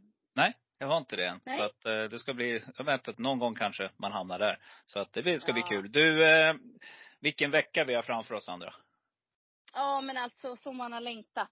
Och äntligen få vara på plats också efter de här två åren. Alltså suget är ju enormt att få Mm. vara på plats. Och jag är jättenöjd med listor och hästar och allt vad det innebär. Det är bara det här sista med vädret och det kan vi inte styra över utan det är bara hoppas Mm. att vi Då- har någon lycka till helgen och inte behöver ha allt för mycket regn och blåst. Nej, vi pratar om Nahar-väder. Det är då samma år som Nahar vann Elitloppet. Det hade vi uppe i podden nyss. Så att, ja, det är ingen höjdare direkt. Nej, det är det inte. Kommer du vara på plats? Nej, helt otroligt nog så kommer jag inte att vara det. Jag fattade ett beslut för någon månad sedan här faktiskt. Att, eller det, ja, tre veckor sedan. Att eh, nej, jag eh, stannar hemma det här året och eh, fokuserar helt och hållet på spelet och att få lite tid tillsammans med min lillebrorsa. Vi ska fiska, vi ska ha lite trevligt, vi brukar göra det. Det har blivit som en liten tradition och det var lite oklart med platser och och sådär. Så då kände vi att då, då fattar vi en form av beslut. Eh, Men har absolut ingenting att göra med sporten. Det är fantastiskt bra sport. Även om jag kan tycka någonstans att jag hade velat sett någon av de fyra bästa franska hästarna till start i Elitloppet. Ja, men Anders litar jag fullt på att han har gjort vad han har kunnat Mm. i det Mm. skedet. Och uh, vi skulle alltid önska något extra, men jag vet att Anders har gjort vad han har kunnat. Mm. Och det och kanske Etonant är ändå ett jäkligt hett bud från Frankrike. Mm, absolut. Jag är, bara, jag är alltid sådär, jag är lite, eh, jag letar, eh, du vet de här franska svepningarna. Då hade Elitloppet varit fulländat i år för att något nå mer utomlands. Är i och för sig då, det är väl vår egen storstjärna som Calgary Games som kanske också skulle varit fantastiskt kul att se i Elitloppet. Men man kan inte få allt, det är precis som du säger. Och det är någon, jag vet Maharadja skulle vara med något år, han blev struken se, tidigt, eller sent, precis, det kom upp på tavlan Mm. där, vart en jättebesvikelse. Så jag hoppas verkligen inte att vi får se några sjuka eller skadade hästar här, utan att vi får se de hästarna som har använts. Och vi har en fantastisk helg framför oss, jag håller med dig. Eh, men du, Sandra, för övrigt då, hur är eh, livet övrigt? Det är balans? ja, det är balans. Ständigt livspussel och balans Ja. i livet. Men med ett leende på läpparna är väldigt nöjd över tillvaron. Och vi cyklar lite extra just den här veckan också. Och startskottet sen efter Elitloppet blir ju sommar och fint och härligt trav. Mm. Precis, det är ju lite som du säger. Det är ju många härliga lopp vi har framför oss också under, som kommer vartefter här nu, både sommar och på senhöst. Så att, eh, nej, helt grymt ska det bli. Vad heter det? Och spelformen då, hur är den? Något uppåt nu. Jag tycker att jag har Mm. haft en liten eh, svacka sådär. Men nu på slutet så känns det som att jag är helt klart på rätt väg. Mm, det Hoppas pass, på att kunna lyckas i helgen. ja, då passar det ju suveränt här att vi får helt enkelt slänga oss över V75 och vi startar väl då. Vi har Lady Snatch-lopp, eh, V75 1, Stoeliten startar och eh, favorit just nu är ju nummer två, Carly Smart. Går du rakt ut på den? Jag gör nog inte det. Lite beror på hur pass stor favorit hon blir. Nu är det barfota runt om, det är ett bra läge. Samtidigt nu två tuffa lopp här på slutet. Jag är Mm. inte helt säker på vad jag har med för dagen och jag tycker att de här storloppen kan vara lite luriga alltså. För det är mycket som ska klaffa. Det är inte så att det oftast bara är en som man tror kan gå runt och få liksom lite eh, krånglig väg framåt. Utan mycket positioner tycker jag avgör de här storloppen. Mm. Vad säger du själv? Nej men jag håller med och eh, frågan är vem som kommer till ledningen här. Det är det. Mm. Nummer tre är ruggigt startsnabb, Miracle Tile. Eh, Mario Fontebon kan ju också röra på sig och Kalle Smart också. Så det kan ju bli en ruggig eh, inledning här och det skulle ju kunna eh, öppna för någon annan. Nummer fyra, Helio de Cotier med Gabriella Gelormini tycker jag är intressant. 12 procent. Eh, vad vet du om den hästen? Ja, men jag vet ju att hon var ju bra. Alltså, jag tyckte hon höll farten väldigt bra där som fyra på Åby i oktober. Det var ju bakom Calgary Games bland annat. Mm. Hon är ju van att möta riktigt eh, tufft motstånd. Jag tyckte att hon gjorde bra då på vår tusenbana här på svensk mark. Så jag tycker ju också att hon är spännande. Sett de här två loppen nu färska då som hon har i, inför den här starten. Gick bra från ledningen då näst senast över 2700 meter och senast var hon ute mot en och flera tuffa motståndare. Så det är ju svårt att sätta in prestationen. Men från det här utgångsläget och med tanke på den prestationen jag vet hon gjorde på svensk mark så tycker jag att det är spännande. Och Gabrielle Gelormini är också van att köra eh, under Elitloppshelgen och jag känner att han börjar allt mer lära sig också körsättet här. Mm. Eh, Det är ju Sayonara som har slagit eh, fyran där, Eliade de Gautier när de har mötts i Frankrike. Hon har ju också bra form för dagen. Mm, det är ruggigt intressant med Jepsen upp här nu igen och eh, kan ligga i draget där, amerikansk vann på. Vinner inte för ofta men, men eh, nej, det är, en, det är en riktig susare direkt på 13 procent just nu. För det, det, det biter bra om man får in en sån där eh, 10-12 procentare direkt i inledningen. Det Brukar vara så på Elitloppshelgen. Absolut. Och nu med, från det här utgångsläget. Hon gick alltså på, vad var det, 600-700 kvar senast. Mm. Och gjorde det väldigt starkt då. Jag tänker att hon kan få sitta kvar lite längre nu och då biter ju hennes vassa speed och enormt bra. Jag, jag är verkligen plusintryck på den insatsen senast. Mm.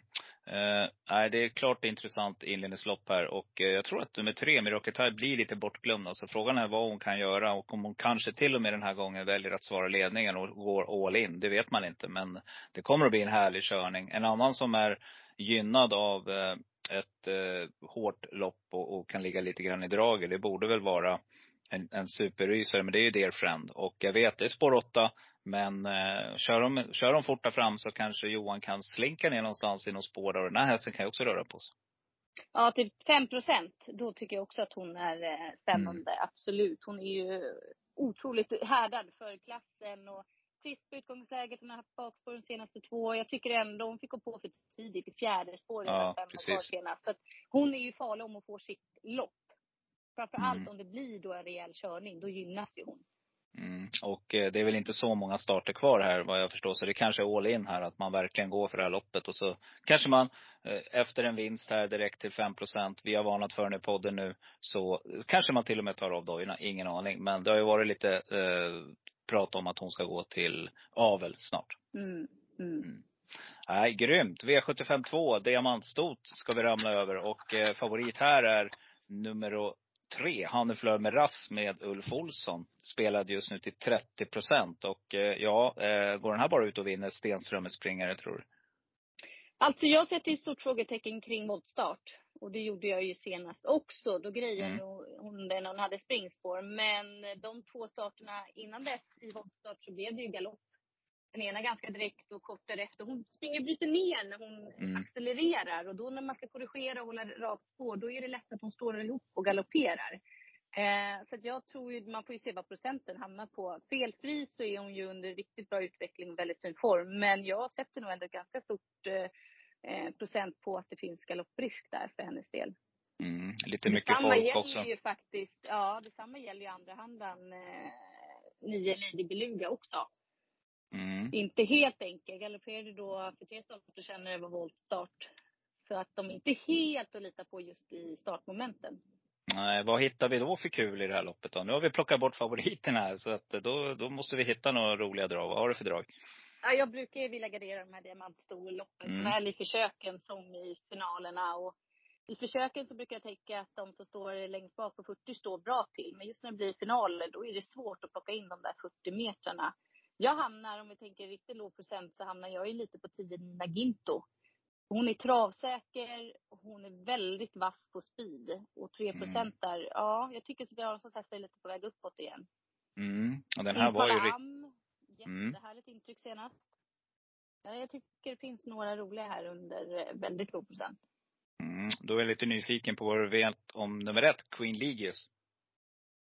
Inte så mycket informationsmässigt. Gjorde det bra senast där ju. Det var ju målfoto mot Jensen Persson och har ju utgångsläget igen här som jag tror att Marcus Niklasson kan eh, använda sig av ordentligt också. Kommer ju garanterat på en fin resa på innerspår. Mm.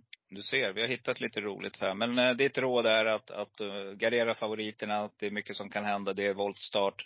Mycket folk på plats. Kan stressa upp sig. Vi får ju också kanske räkna med en eller två omstarter i sånt här lopp.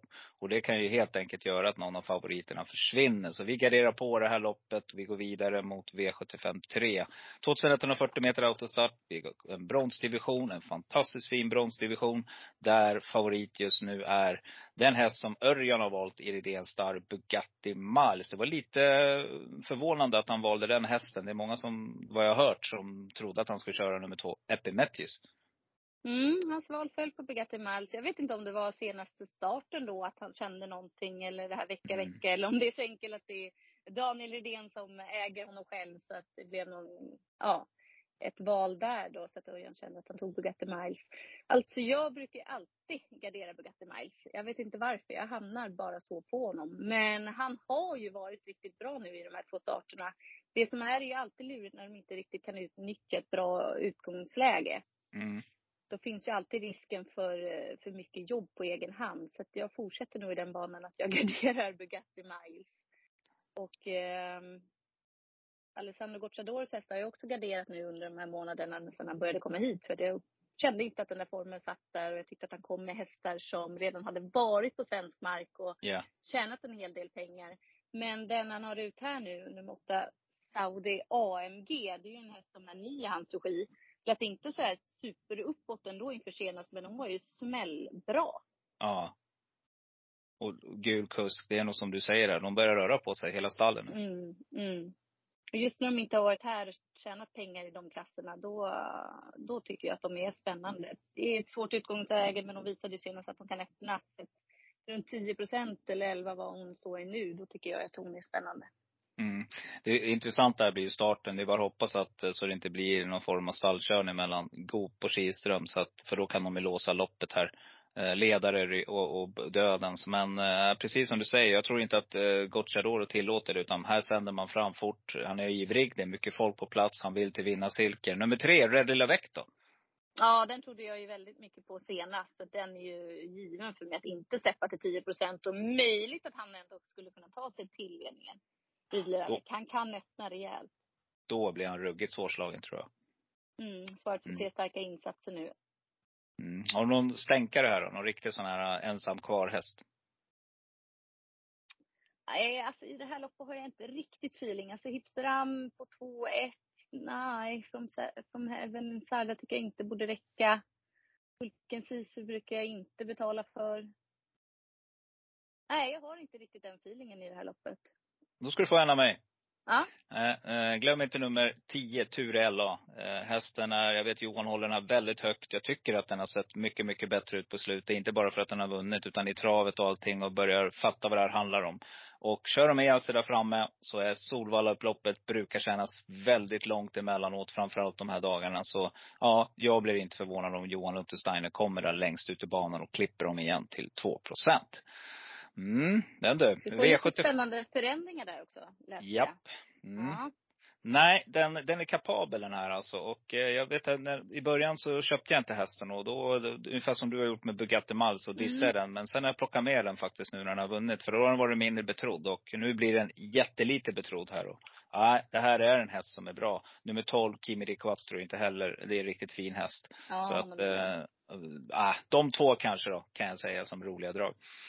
Eh, V754, klass 2 och eh, ja, då kommer han ut då igen, Kagan med Robert Berg. Och att han tar ledningen här, det tror jag inte är eh, någon jätteskräll. Det är 2140 meter som sagt och eh, favorit är jämspelat bakom nummer 9, Luke Schermen som är jättefavorit, 53 procent. Den här kommer stort sett hela Solvalla gå på, eller vad tror du?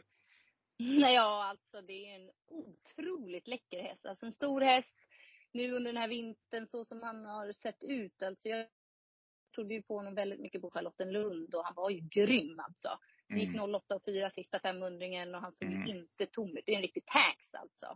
Eh, det ja. ja. ja men alltså jag fastnar för honom. Och han har ju ett bra startrygga här i både två Eh, två Kagan, Special Top Model. Jag tror inte att han ligger så på innerspåret. Men bra ryggar där för att kunna få Ja. en bra start för att komma igenom också. Den här, ja man får se vad han hamnar på alltså. Men jag tror att den här är egentligen för bra för klass 2. Lite spännande blev det ju ändå att han fick bakspåret. Det öppnar ju upp det.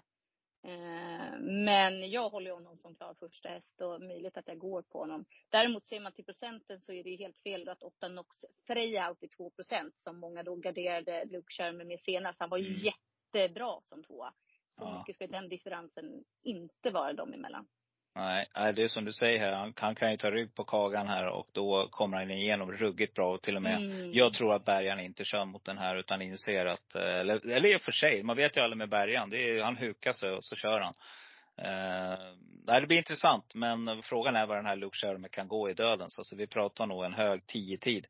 Eh, skulle jag tro. Så att, nej, det blir intressant. Du, på tal om tanks. Vi pratade, eh, jag och Patrik, om våra bästa minnen. Det är Bold Eagles upplopp när han gjorde, gick 1.08. Eh, det, det, det var också en tanks prestation. Ja, det var ju helt galet. Man stod ju där helt stum. Jag fann inte ens Mm. orden efteråt. Nej. Nej, det var ju så jäkla ruggigt.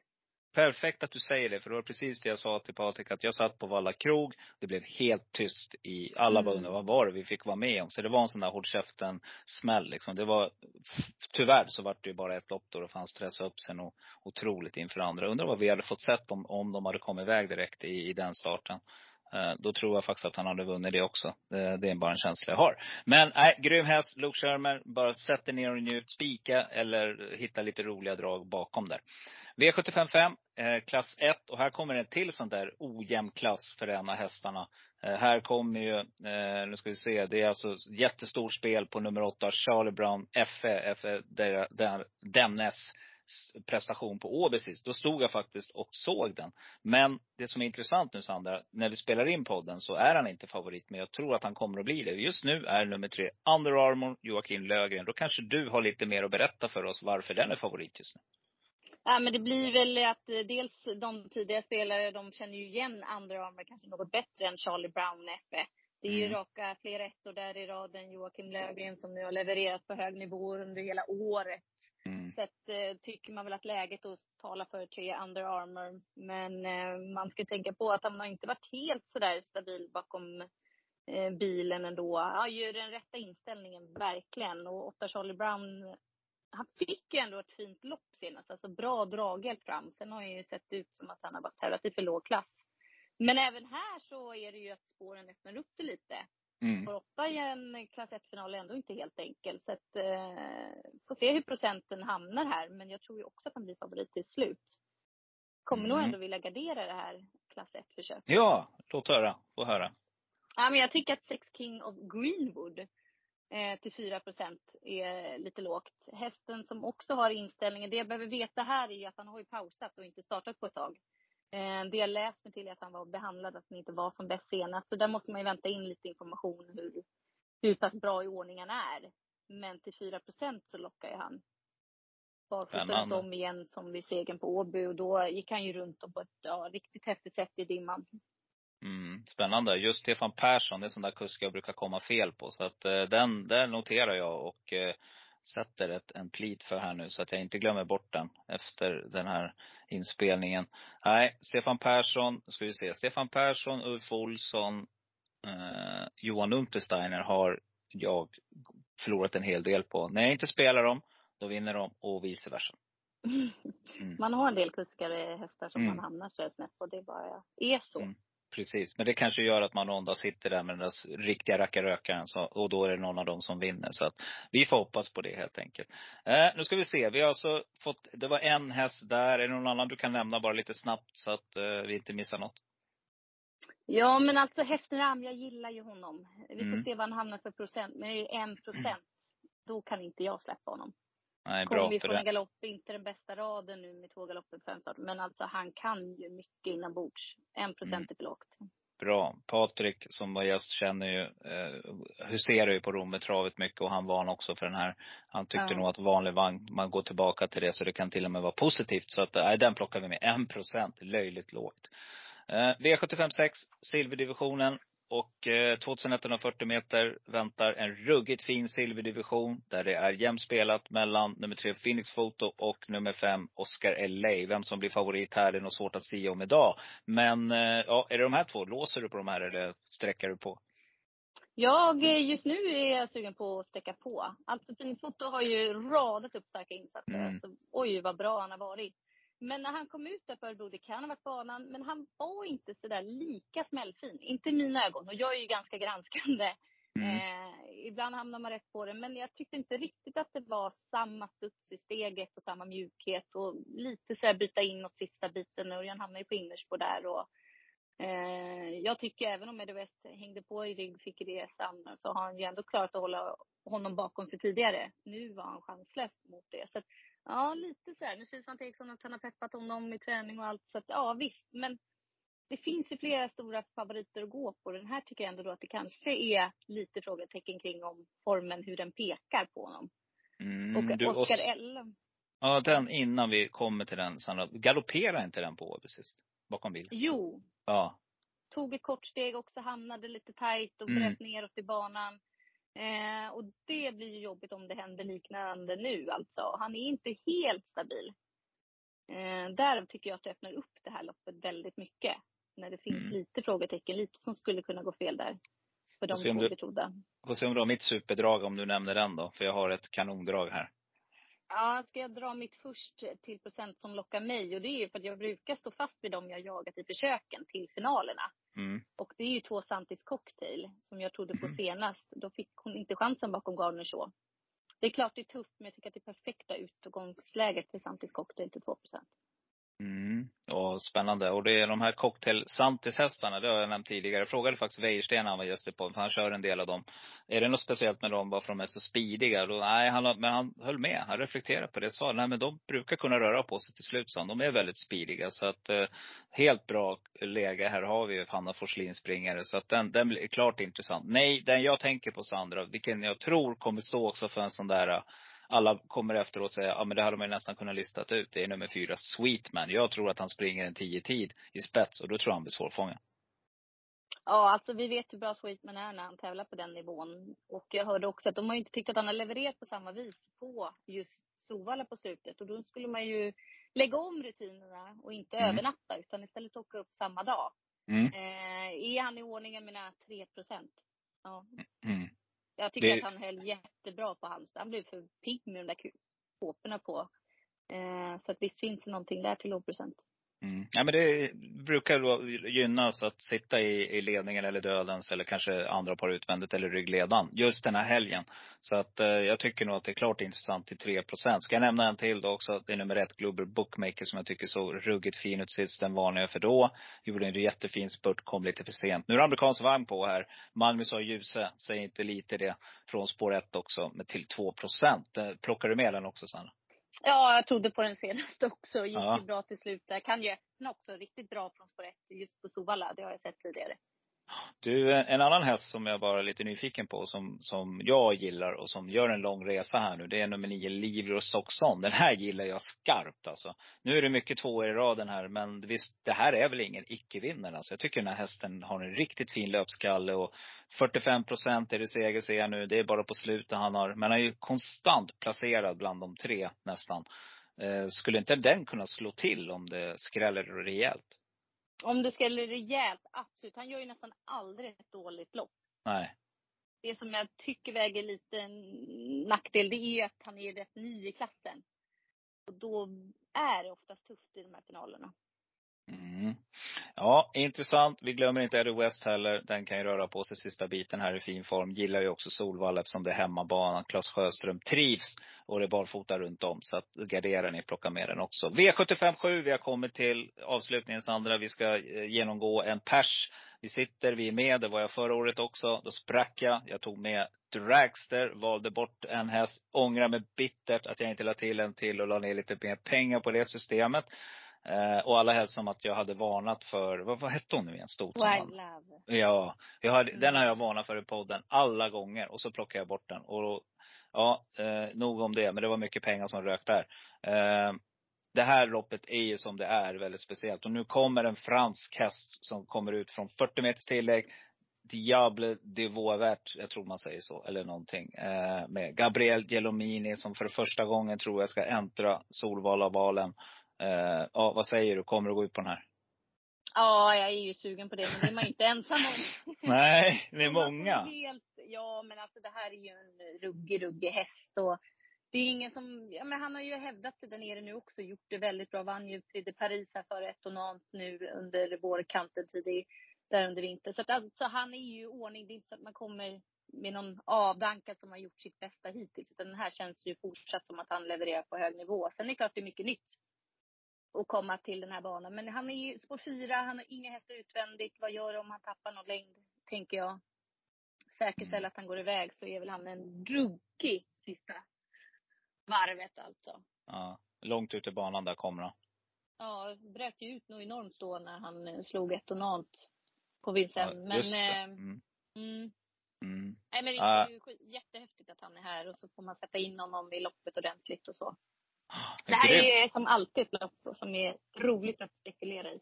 Mm. Det har ju slunkit in några jätteskrällar här genom åren. Eh, Mm. och nog finns det ekipage som slog till här eh, för några år sedan, kommer inte ihåg. Men, men kusken hade eh, långt blont hår, det är vad jag kommer ihåg. Men var inte det Nurmos, E- Elis? Jo, ja, precis. Tredje, Exakt. fjärde in, Olle Koivunen som körde. Vann han något lopp efter det? Jag tror inte det.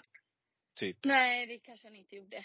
Nej. Men det, det här gäller ju loppet, titt som tätt. Absolut. precis, men det kräver sina hästar. Det är många hästar som aldrig blir sig lik efter det här loppet också. Ja, de är ju ruggigt påställda, förberedda för en grym prestation och så går de ut över 3000 meter och gör sitt livs prestation. Och det, Mm. på vissa hästar slår det ju hårt.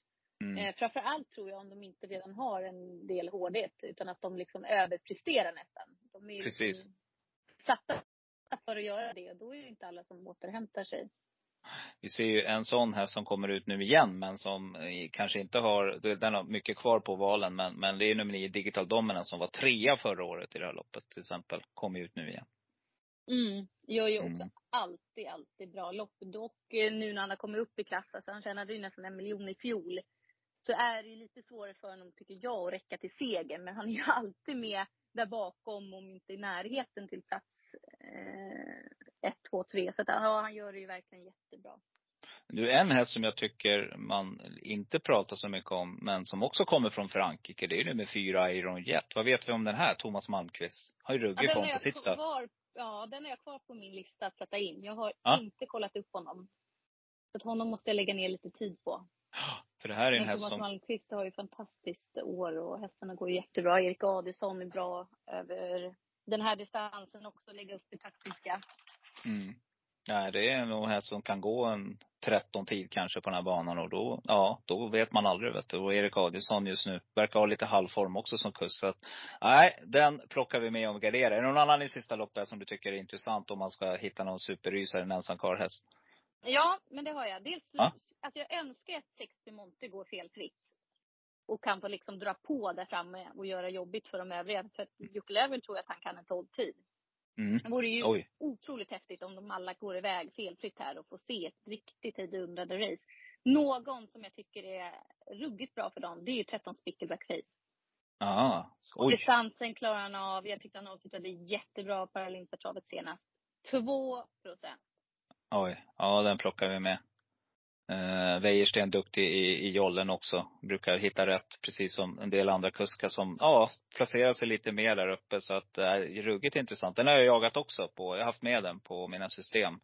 Så att, äh, intressant. Wäjersten vinner uh, Harpe Hanovers med Spickleback Face till 2 procent. Ja, då är vi ensamma kvar, Sandra. Ja, det får man hoppas. Ja, det är det vi vill. Det är någon gång. Det är det där vi jagar. Eller hur? Ja. Du, eh, vi ska, vi ska slänga oss över Elitloppen. Jag tänker bara så här lite snabbt. Elitloppsförsök 1. Vem vinner det och vilka kvalificerar sig till final? Mm, ja, alltså drömläget blev ju här för Önas Prins. Och jag tror mycket beror på vem som kommer fram utvändigt om Önas Prins. För eh, vem kör man riktigt hårt mot honom så jag är inte helt säker på att han vinner det här loppet. Men blir det så att säga att det är åtta dom från Utrusett med Örjan, du vet, då behöver inte han bruka. Eh, så mycket hänger på där och etonat om han går felfritt. För får eh, Önas Prins etonat utvänt om sig, då tror jag att det blir väldigt tufft att stå sig mot sista hundringen på, på upploppet och då kan det bli så trötta ben att man inte ens tar sig bland de fyra första till final för Öna. Så att mycket gäller på honom vem som kommer utvändigt om honom, tror jag. Men eh, Jag han ser- har ju jag ser- chansen och enormt bra från det läget. Jag ser Per Nordström framför mig. Svara med allt mot etonalt när han kommer, vet. Och då, då är det krypkasinon sista hundra, det tror jag också. Det är, nog, det, är nog, det är nog klokt att släppa då, är det inte det när han kommer?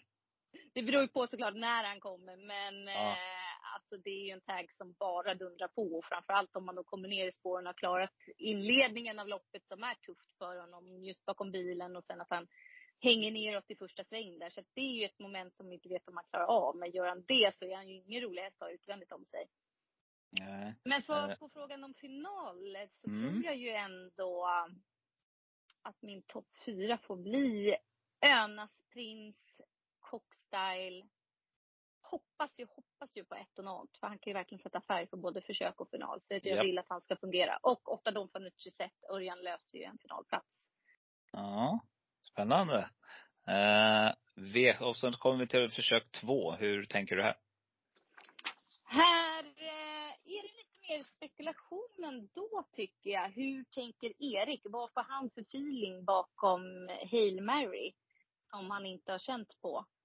Eh, är ju ändå, man kan inte säga osynad för han har visat att han kan öppna riktigt bra. Men frågan är hur Erik lägger upp det. För att han är ju inte beroende av någon ledning. Han vet ju att löser han det bara kommer fram utvändigt eller andra ut så har han ju häst som är bra nog att tåla jobb och gå i spåren lite hänger på hur snacket går där. Och Who's Who ska också klara första sväng. Mm. Nu har han ju visat, tycker jag, lite extra här på slutet att han har en punkt där. Annat går ju inte att säga. Nej, eh, jag var på Åby sist, eh, stod där och lyssnade och då sa Örjan att det var inte bara en gång det var nära utan det hade kunnat, hade han fått lite mer tryck då tror han att den till och med hade kunnat komma en till galoppvarning. Mm. Så att, eh, nej jag håller med dig. Det är väldigt tveksamt där. Eh, Däremot travar han rätt så är den här livsfarlig. Mm. Det är det bortglömde, tror jag. Ja, min fyra final här är ju Ja, skrällen då får ju bli Snowstorm Hanover till att gå i alla fall till final från det fina utgångsläget. Det kan jag tänka mig att han har möjligheter till. Hail Mary, given i final. Sju Vivid Wise Ass tre Who's Who. Jag tror att Extreme får det svårt från åttonde, även sex Mr F Dag. Night Broddys chans är om man kommer ner i ryggledaren, men frågan är om man gör det. Mm. Vet du vad jag tycker? Jag tycker det här är, jag är en sån där, nu är jag en glädjedödare här. Det- Och det var jag tidigare också, men jag, jag säger det igen. Jag tror, jag Hail Mary, jag har inte sett honom bakom bilen, kortlopp, möta den här typen av hästar. Eh, jag är väldigt tveksam. Eh, jag tror att det kan bli riktigt en, en varning. Eh, för jag vet inte, har han varit ute mot så här tuffa hästar någon gång i ett sån här typ av situation? Jag tror inte det. Eh, jag, jag, jag lämnar en jättevarning på nummer två, Admiral As. Alltså går den till final, då tror jag den till och med kan vinna, Sandra. Ja, du håller Admiral Lasso högt. Ja, alltså jag, det där är jag vill ju så gärna med honom. Men det är en häst, så fort jag spikar honom så torskar han och varje gång jag garderar Ja. honom så vinner han. Så att jag hamnar ju alltid fel på honom. Men Reijo Liljendahl är ju supernöjd. Det är ju en häst däremot om vi pratar om att Hail Mary inte har mött de bästa. Det har ju inte Admiral Lasso gjort. Nej. Hail Mary har ju ändå stångats då mot Don Fanucci sett bland annat. Admiral Lasso sist, vad hade han? Diamanten och eh, ja, vilka nu mer. Så att eh, han är ju också, han är ju ny. Det är därför han är rolig tycker jag i ett Elitloppsförsök. För att sätta in honom och vi vet inte hur bra han är i det här gänget. Det som talar emot det är att han brukar få lite problem så fort det är stora prispengar. Mm. Hoppas att han kan få tillbaka för det den här gången att det faktiskt fungerar för honom fullt ut. Ja, för han var väl favorit där. Eh, Eller inte favorit kanske, men. Ja, exakt. ju Ja, stämmer. Jag var väldigt betrodd där. Så att, eh, nej, jag, eh, jag sticker ut hakan lite här. Jag tror, jag tror att han tar sig till final, Lennartsson i alla fall. Och sen kan allting hända. En annan som jag tror du, som du inte trodde så mycket på, det är Extreme. Men jag, Björn Goop i jollen, han vet vad som väntar och jag tror att Sten Hjul har ställt den här rackaren i ordning och eh, tar sig till final också. Så att, eh, nej, men den här, en häst jag är ruggigt nyfiken på, det är ju den här ungdomsstjärnan Mr F Dag. Som jag tycker såg riktigt fin ut sist. Vad, vad vet vi om den egentligen? Ja, han gjorde det väldigt bra som ung häst. Sen mötte han ju tuffa hästar. Jag tyckte kanske inte att han, jag har inte haft full koll på honom. Absolut inte. Men inte riktigt levererade på sån här jättehög nivå. Sen nu, jag varnade ju för honom inför Charlottenlund just för Ja. jag tyckte att han har sett fin i form. mött riktigt bra hästar och menar, han slog ju Wennershars Griff eh, när de möttes där i, var det november, december. Alltså han är ju Mm. van väldigt bra motstånd. Det som är är att jag tror inte att han kan vinna på eget på egen kapacitet, alltså gå runt dem. Jag tror att han måste ha lite klaff. Dels Mm. att det blir riktigt bra tempo och att han får gå med i ryggar. Så det är Mm. inget som jag liksom kan peka ut att du tar dig till final på egen hand som jag kan tro att Hail Mary ändå kan göra. Men klaffar det så är han ju bra nog att kunna ta sig till final, Mr F-dag. Mm. Nej, vi har ruggigt. Och sen kommer vi då till finalen Sandra och då får du tala om för mig vem som vinner. Nej, jag tror ju att det är Don Utrecht som upprepar segern ändå. Eh, det som är roligt i de här spekulerade, alltså 16 hästar, det är bara fyra som har tävlat i Elitloppet innan. Alla andra gör ju debut. Eh, en del av dem har provat två hit. Där har Mr F Dag. Han har gått två hit två gånger tror jag i Italien. Mm. Visat att han klarar det. Men Don Fanucci Zet och Örjan och Redén alltså. Så samspelt det är, så bra de är. Don Fanucci Zet, jag tycker att han har sett rappare ut. Han har varit Mm. med mer i matchen. Börjat lämna det där sömniga intrycket. Och just Örjan som Ah, han har ju det här med storlopp. Han har den här Elitlopps eh. Precis som du säger Björn Goop. Erik Adolfsson har fortfarande inte vunnit Elitloppet. Nej. Eh, och just det här med att ha en häst som presterar lika bra, eller om inte än bättre i två. För att många gånger har vi sett grymma prestationer i försöken, säg då Bold Eagle, men de har inte i två hit. Och då vill jag ha hästar som är lugna, trygga och som inte ödslar energi. Och det vet jag att de på något sätt inte gör. Och sen är det ju så, som jag börjar lägga till nu när jag ser vädret, sen får man ju börja spekulera Mm. i förutsättningar där. Exakt. För det blir också ett helt annat Elitlopp om det är riktigt tuffa förutsättningar. Mm. Men Nej. eh, just idag här så är det fortsatt på sätt som jag håller som den som har högst segerchans. Team Fanucci, eh, både du och Patrik har han Mhm. som etta. Eh, jag eh, utropar nummer tre, Cockstyle, till vinnare av Elitloppet eh, 2022. Spännande. Mm. Hur eh, vinner han? Eh, han vinner från dödens i finalen. Han tar sig till final genom Kristoffer. De, de, de vet om att eh, hästen är äldre. Så att jag tror inte man ödslar allt för mycket kraft i, i försöket. Man tar sig till final helt enkelt. Sen sänder man i finalen. Och jag tror han faktiskt kan vinna från döden. Så, så bra är den här hästen. Ja, han har ju väldigt hög kapacitet de dagar han fungerar fullt ut. Precis, då gör han så här riktiga prestationer. Och bevisat har han gjort att han pallar två hit också. Han vann ju faktiskt Elitloppet. Eh, han fick ju pris. Ja Mm. exakt. Då är det förhandsspel till 70 gånger på honom. Ja, det var bra. Ja, så det var lite synd att inte han lyckades knäppa nosen före där. Men eh, grymt Sandra. Nu ska du få fortsätta njuta av vårsolen. Eh, sommarsolen är det väl nu. Vi går väl in i sommar nu. Ja, det hoppas vi verkligen. Det så just idag. Ja. Vi hoppas på Fågelkvitter och så önskar jag dig, eh, var, rädd om dig, var rädd om alla runt omkring dig och eh, lycka till med spelet. Tack detsamma. Ja, så hörs vi. Ha det gott. Hej! Hej!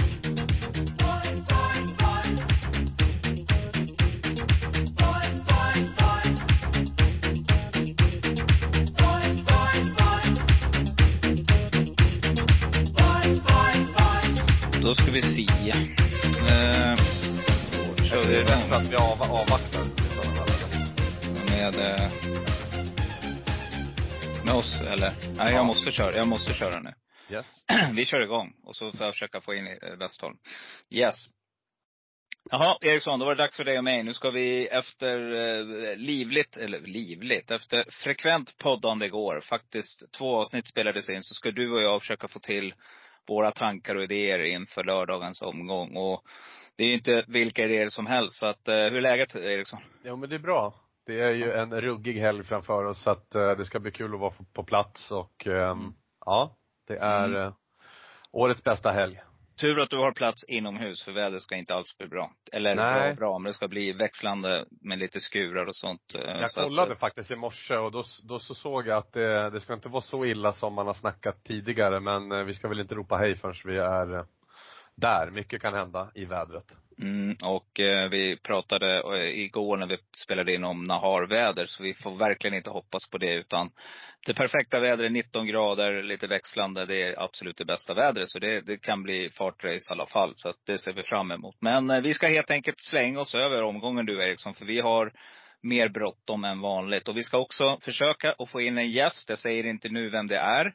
Men eh, vi får se om vi lyckas då. Ni som är frekvent inne på Instagram och följer oss. Eh, det är ett tips. Ni vet redan vem gästen är. En liten bonus som tillkommer som inte syns i våran eh, reklamkampanj där med, eller reklamkampanj. Det är att vi har lagt ut på Instagram i alla fall att Patrik Skoglund, Sandra Mårtensson, Mr Eriksson och Mr Schultz och en hemlig gäst då. Så vi drar igång Eriksson och vi kommer köra mitt upplägg, det vill säga Eh, solklar och tänkbar ensam kvar. Det är det ni får av oss inför den här omgången. Och sen kommer ni få höra mer av våra fantastiska röster inför eh, söndagens eh, V75-omgång. Och Elitloppet.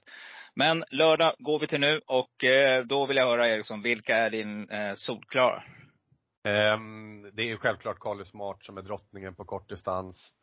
Spår 2, sätt på några skygglappar, barfota runt om. Jag är inte så orolig. Alltså är hon vid sunda vätskor Ehm, för dagen, då vinner hon det här.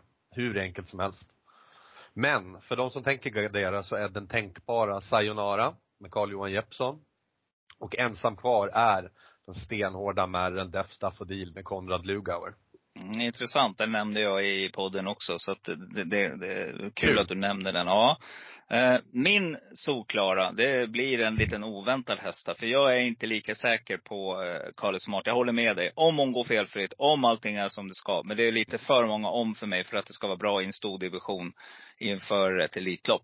Så att med all publik och allting där. Så att jag, det har hon visat att hon klarar förr. Men, men så jag eh, går faktiskt ut lite hårdare här och eh, säger att nummer tre, Miracle Tile, kommer att leda det här från start till mål. Eh, så det blir min solklara. Min tänkbara, det blir nummer fyra, Helia de Gautier med Gabriella Gelomini. Och min ensam kvar häst, det blir nummer åtta, Dear Friend. Om hon kommer ner i någorlunda slagläge, får en bättre resa än vad man tror från spår 8, så tror jag att hon kan. Hon har bättre form än, än raden och kan spurta hem en vinst här. Eh, V75 2, där, vilka hästar har vi där Eriksson? Vi har eh, en solklar för mig, eh, en första rankad A-häst. Star on your marks, Oskar Kylin Blom.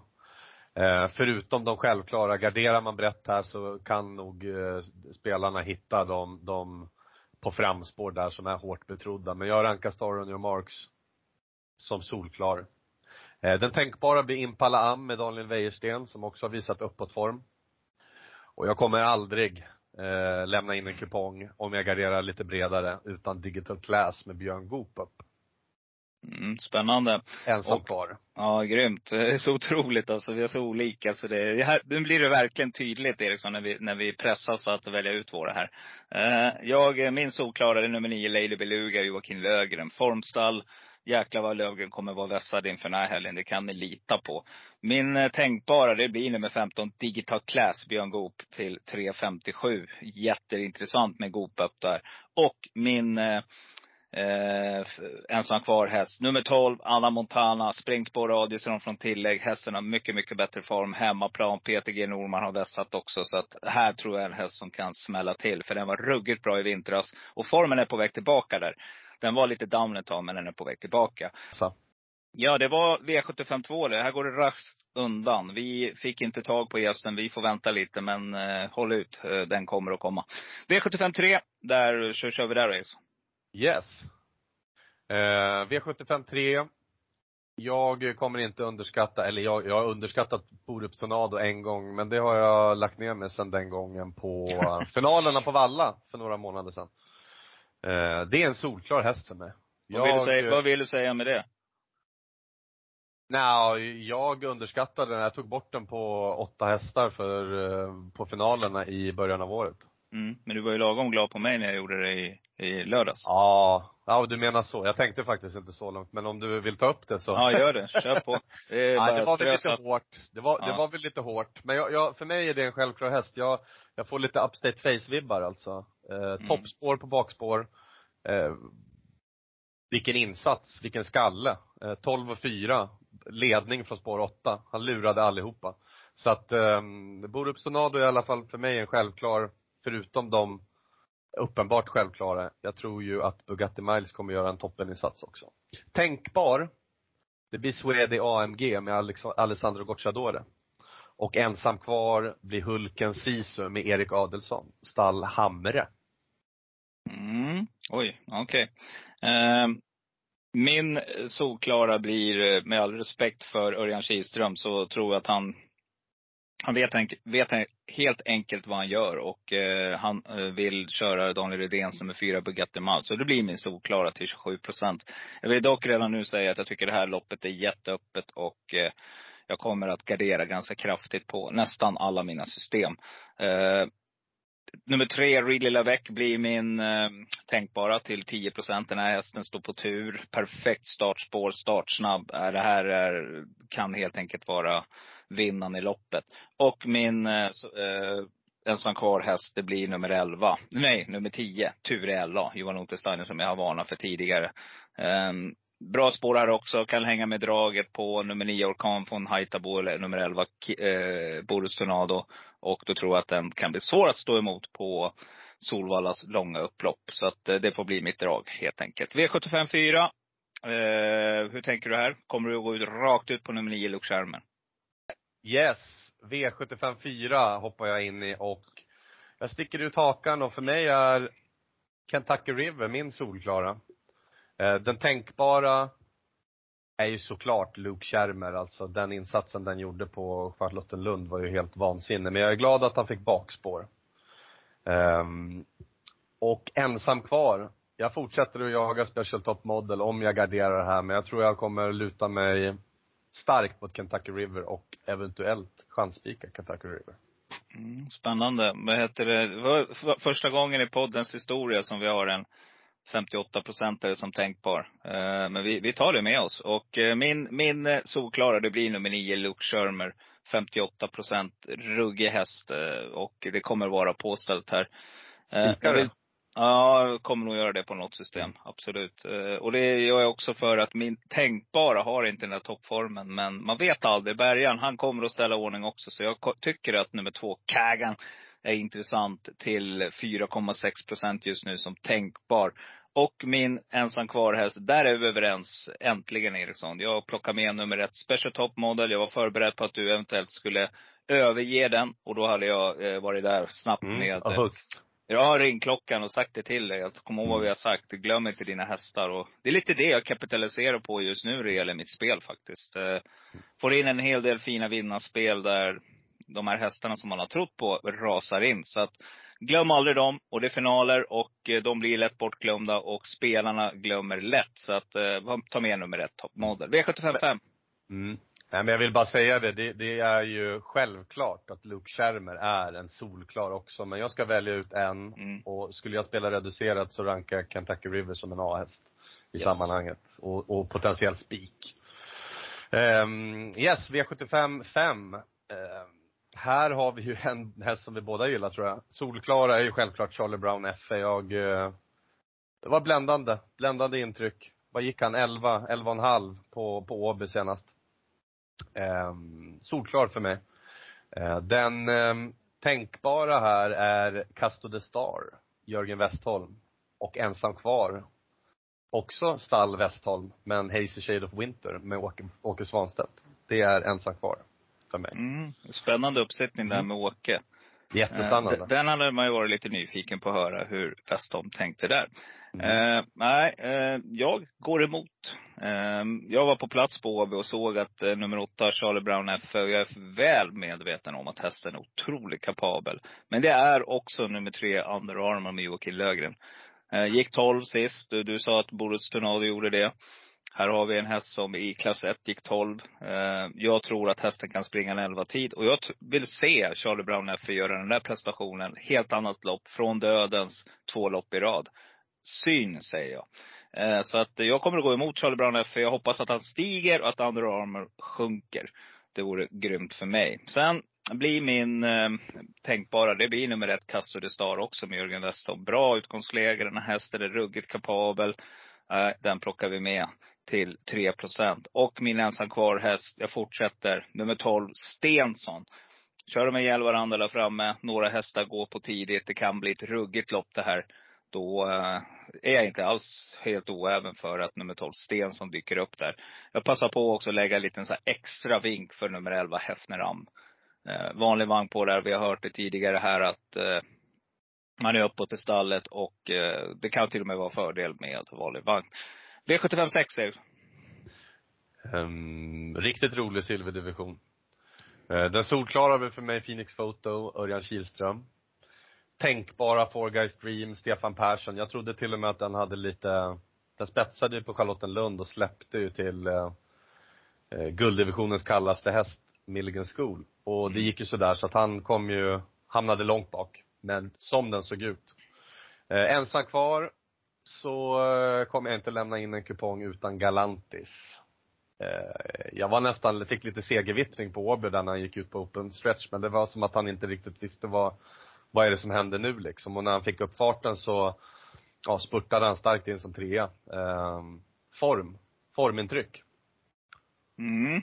Det är helt otroligt vad vi spretar alltså. Det här är super. Alltså det kommer bli heta sms-kontakter eftersom du sitter på plats så, så kommer jag inte störa dig. Uh, men uh, min uh, solklara efter att ha klurat och vridit och vänt på det här, det är återigen, spelarna glömmer fem, snabbt. Nummer sex, Four Guys Dream, satt fast med allting kvar, glöm det loppet. Starten innan, nio tid.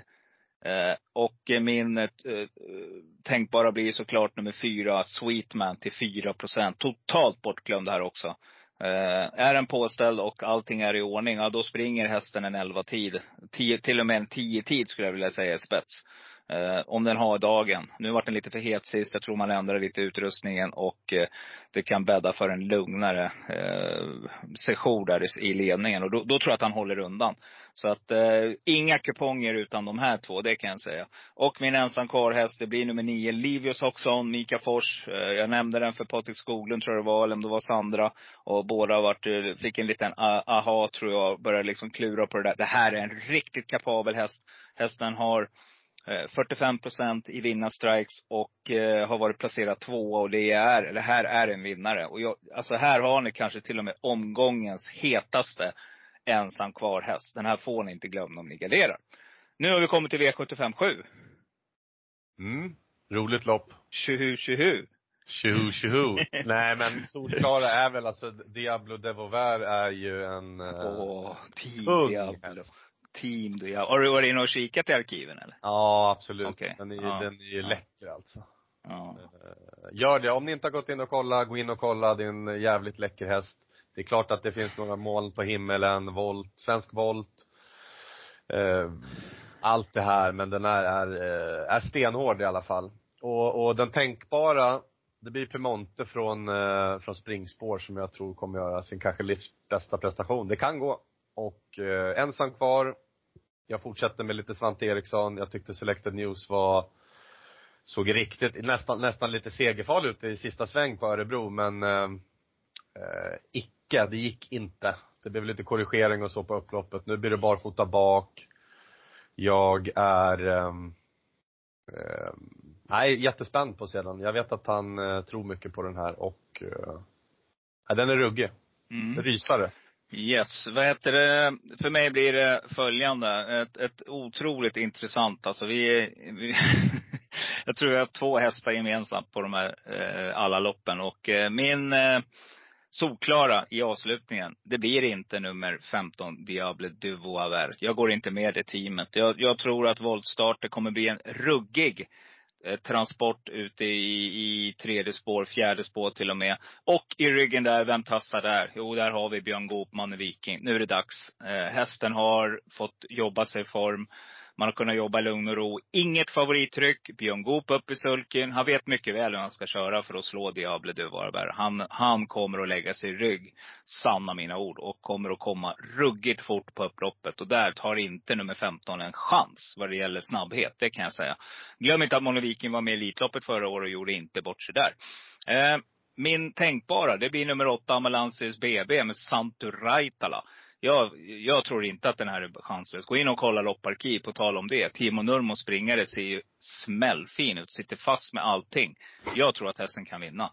Eh, bara han klarar eh, starten här, det är ju det som är emot. Men klarar han den, kommer ut i någorlunda läge. Den här hästen ruggigt kapabel. Och min ensam kvar häst. Jag vet att Jörgen tidigt sa till mig, Santos de Castella, han laddas mot Harpers. Och jag har sett hästen vara inne och jobbat på Romme.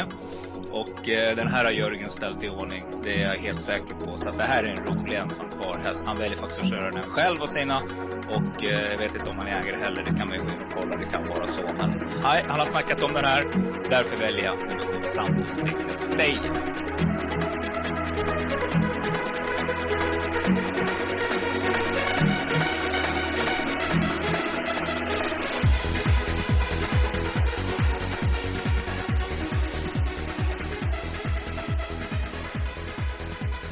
Ja, men då har vi Jörgen Westholm som blev vår lilla snabbinkastade gäst här. För vi, när vi poddade så kom vi på det att nej, vi måste ju ha en liten kommentar från Jörgen. För att eh, jag fick ju faktiskt se ett, ett eh, hemligt jobb. Eller hemligt var det ju inte efter det var klart med eh, Santos de Castella. Säger du Castella eller Castella? Jag kallar han för Santos så skiter i andra namnet. Ja, Men det, kan ju. Det kanske är Castella har jag hört några sagt. Men jag är inte så bra på spanska så att, så kan det vara. Och du vet vad, det skiter han i också, hästen. Ja, han lyssnar på Santos han. Han bara springer. Ja. Grymt. Du, Team Westholm, då var du ute och kört lite snabbjobb, eller jobb på förmiddagen. Ja, strimma på lite. Haft en bra morgon hittills. Vi har haft en fin morgon hela veckan. Måndag, de som startade på lördag och söndag gick ju ganska tuffa jobb i måndags och eh, jag var väldigt nöjd med dem. Sen min ekviterapeut var här och gick igenom eh, dem igår. Mats Gunnarsson kände igenom allihopa. Ja, han har jobbat hos mig i 20 år så han vet när jag ligger bra på det. Och han tyckte att hästarna kändes väldigt fräscha och fina kommer gå ett lätt jobb imorgon och så får de massage. Det kommer en massör som heter Anki Källström från Borlänge som kommer att massera dem lite imorgon och fixa dem inför, inför helgen. Grymt. Du, eh, om vi, om vi byter, eh, ska säga, rubrik. eh, Elitaktionen, kommer du gå på den? Ja, Självklart. givet, givetvis. Jag tror inte det blir någon annan litaktion om inte jag kommer. Nej, exakt. Då har du, du stora plånboken med och har hittat Nej. några intressanta. Jag har tittat på lite hästar och så men jag har inte Eh, valt ut någon och har eventuellt några kunder som är nyfikna på att se någonting. Så vi kommer gå, jag kommer givetvis gå igenom hästarna som jag alltid gör och sen kommer väl de som är intresserade få en liten rankinglista utav mig. Sen får de ju själva smaka på vad de tycker är intressant. Mm. Själv började jag bläddra i det där och det var grekiska för mig kan jag säga. Så jag, eh, Ja. nej, jag, det- jag hittar lite intressant. Jag kan ju skicka dem till dig sen så kan väl du få ge en kommentar vad du tycker. Stå över det där du, se till att få folk på Romme trav istället. Det är nog bättre. Tack för det. Ja, jag har faktiskt haft Patrik Skoglund som gäst och vi har pratat ihop oss lite grann så vi har lite tankar och idéer. Du, Ja. eh, vi slänger oss över V75-omgången. V75 5, första starten. Du har lite hästar till start, framförallt till sista. Nummer ett, Castor de Star som du kör själv och du har också nummer fem, Hazy Shade och Winter som vi har en ruggigt intressant uppsittning. Åke Svanstedt, där är vi nyfikna på valet av kusk och eh, vi vill höra form på hästarna och vad du tror. Castor de Star, blek i Umeå. Kan ha varit första långresan och sådär. Jag tyckte att han bara var seg. Det var inte direkt något fel på honom. Han har givetvis kört och tränat eh, efter konstens regler här. Eh, och Eh, ja, det känns bra. Fått ett innerspår där väldigt snabb ut så han kan ju välja lite scenariot själv där. Så vi får väl se hur de andra kommer iväg så jag kör. Jag, jag skulle gärna ha någon bra rygg att sitta i där med honom. Så att vi får väl se. Eh, senaste insatsen gör ett litet frågetecken men vi hittar inga konstigheter med han nu så att Ja, ett streck på han har väldigt hög kapacitet och ja, förra starten får jag sa som ett frågetecken bara. Mm. Shade och Winter, Åke Svanstedt kör. Åke har ett stort samarbete med Knutsson Trotting som äger hästen och eh, de visste att jag skulle köra Castor som önskar ganska tidigt. Om Åke kommer vill de ha honom och Åke är en av de bästa kuskarna vi har haft. Så det är alltid trevligt när han svingar sig upp. Så att hon har ju gått väldigt bra för oss varje start tycker jag och eh, haft en liten, ja, några veckors paus här och eh, kommer vara fint i ordning tycker jag. Såg fin, stark ut i måndagsjobbet och eh, möter ju väldigt bra hästar. Det är ju både för Kastors och eh, den det var ju extremt imponerande. Den italienska hästen där, Charlie Brown F tycker jag var bra. Mm. Sen är ju både Lövgrens och Weirstens vassa hästar så att eh, vi får nog vara lite ödmjuka och är vi trea, fyra med Castor eller Hayes så är vi nog nöjda.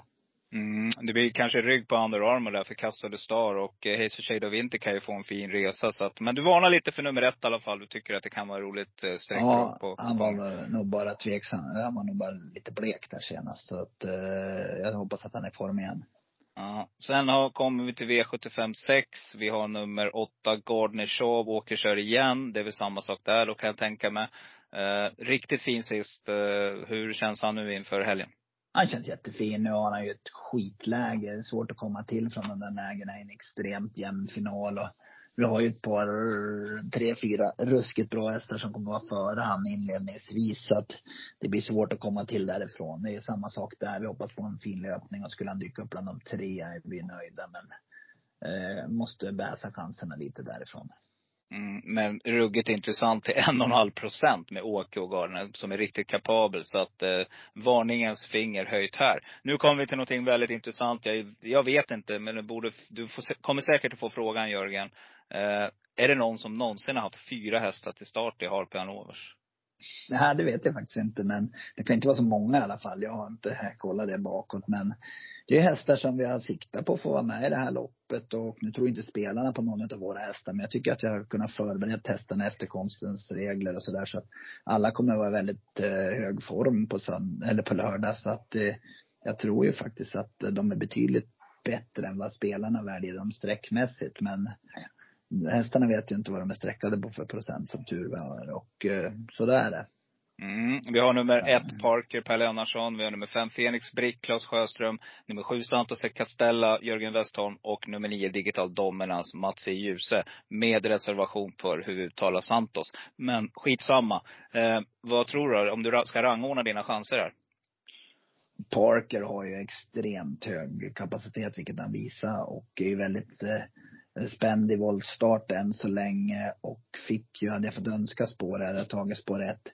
Tror han kan öppna iväg ganska snabbt från ett ändå. Liksom. Det är med att han eh, från de här snäva spåren kan han nog ta galopp. Så att han har verkligen eh, varit fin i träningen och är ju uh, vansinnigt stark och kändes ju läcker i Örebro efter galoppen där. Så att han är nog den som kanske har högst kapacitet utav dem, eller nej, jag ska inte ranka så, men han har väldigt hög kapacitet. Jag tror att han kan gå långt. Så att eh, 3-1 är passande för han, han, han skulle jag absolut, om jag garderade det loppet, skulle jag absolut ta med honom. Mm. Och den Fenix, Fenix eh, var Klas nöjd med. Fick ju lite krafter kvar till slut i Örebro International. Har ju lite svårt att sätta in han i Harper Hanovers. Men femte spåret är lite byngligt för han, för han är väldigt stor. Och lite klumpig i sitt beteende så det kan vara en viss galopprisk där. Men hästen har kunnat förbereda sig efter Örebro och hade krafter kvar där och eh, han är ju gynnad av överpace och det var det ju definitivt inte i Örebro. Så att jag tyckte han var väldigt bra med tanke på löpningsförhoppet i Örebro. Så att ja, ja, jag är en häst som kan vara på plats, det tror jag, om det stämmer. Mm. Sen Santos de Castella är en häst som har väldigt, väldigt hög kapacitet. Han har ju för lite pengar på sig för klassen. Var ju strålande när han vann årsdebuten i Rättvik och det var väl en sju veckor sedan typ. Men då kände jag att han stod rätt in i Harpers. Våra startpoäng räcker till Harpers. Så jag, skulle jag göra flera starter så hade jag tappat poäng. Så jag har bara jobbat för att förbereda. Jag har varit inne på Rom och förberett. Jag har varit här hemma och kört lite eh, löpsliknande träningspass om man säger så. Och han var stark i fjol och tror att han kan volta iväg ganska, han är nog rätt så kvick inledningsvis där så att eh, han kunna, kommer kunna få en bra löpning i, i främre träffen och eh, eh då, då kan han vara ett platsbud med tanke på så fin han var i årsdebuten. Han är definitivt inte sämre nu. Så att, eh, ja, jag tycker Parker och Santos är ju, ja, de har kapacitet för att slå till i det här loppet om det stämmer. Mm. Och så har vi Digital Dominance som var trea förra året. Trea förra året, eh, bra de första starterna i år. Sen fick han gå i dödens uppe i Umeå var väl kanske inte lika vass sista 150 som jag hade velat han skulle vara. Så att han siktar ju på en smygresa här. Men han har ju definitivt visat att han gillar distansen och eh, såg fin ut i måndags och skötaren Linn var väldigt, väldigt nöjd med hur han kändes och hon sa att han tyckte han kändes lite piggare än det sista jobbet som han gjorde inför, inför eh, Umeå också så att eh, det är lite roligt. Mm, han har gått ungefär samma tider som han gjorde förra året. Då slog han till med en 12 tid på distansen. Så att den här ska vi passa upp på. Men den fråga jag tror många ställer sig är, det är Löfgren intresserad av att dra hårt med nummer 6 Piemonte. Kommer du släppa till honom? Ja, det får vi se då. Den frågan. Okej. Den, Ja. den svarar vi inte på nu eller? Nej, okej. okej. Så enkelt är det inte. Tänk, nej, precis. Men det var lite Sant- lur, lite luring i blicken där. Mm. Santos är obesegrade. Spets tror jag satt om han backar tillbaka. Så att, eh, Ja. Ja, vi får se. Det är ett lopp. Loppet är ett öppet lopp och jag har verkligen fått förberett mina hästar på, som jag har velat. Så det blir kul. Mm, äh, härligt. Och eh, det var, det var V75-omgången på lördag. Vi ska bara ta lite snabbt på söndag också. Där kommer det ut till start i sista, näst sista loppet i V75 6 med nummer 10, Beat Generation. Eh, inte så mycket sträckad. Är det bara en, eh, ska, vi, ska man plocka med den som en skräll? Gick ju bra i kungapokalen sist tyckte jag och eh, verkligen bra där. Men nu är han ute på fel distans. Han är ju inte så kvick i fötterna den där så jag väljer att starta i det här för att få upp någon typ av eh, fart i kroppen på honom och jag tror att jag har svårt att vinna, komma till vinst i det där loppet. Men eh, formen är på topp och det är en viktig ingrediens när man är ute och tävlar. Mm. Eh, eh Team Westholm, de ska spela bowling. Ja, det vet jag inte. Det är ett event som vi har lördag kväll som jag har hästägare som sköter om och så. Så jag kommer väl stå i dörren och eh, vara lite, eh, ljuga lite och berätta lite om hästarna och sånt där. Så att det är ett event som vi bjuder in alla. Det finns lite platser kvar också tror jag till den där eh, eventet på lördag kväll på Birka bowling. Så det blir trevligt. Ja, Sen har jag väl en liten luring där. Det måste ju vara V5-spelet lördag då, eller vad fasiken kan det vara?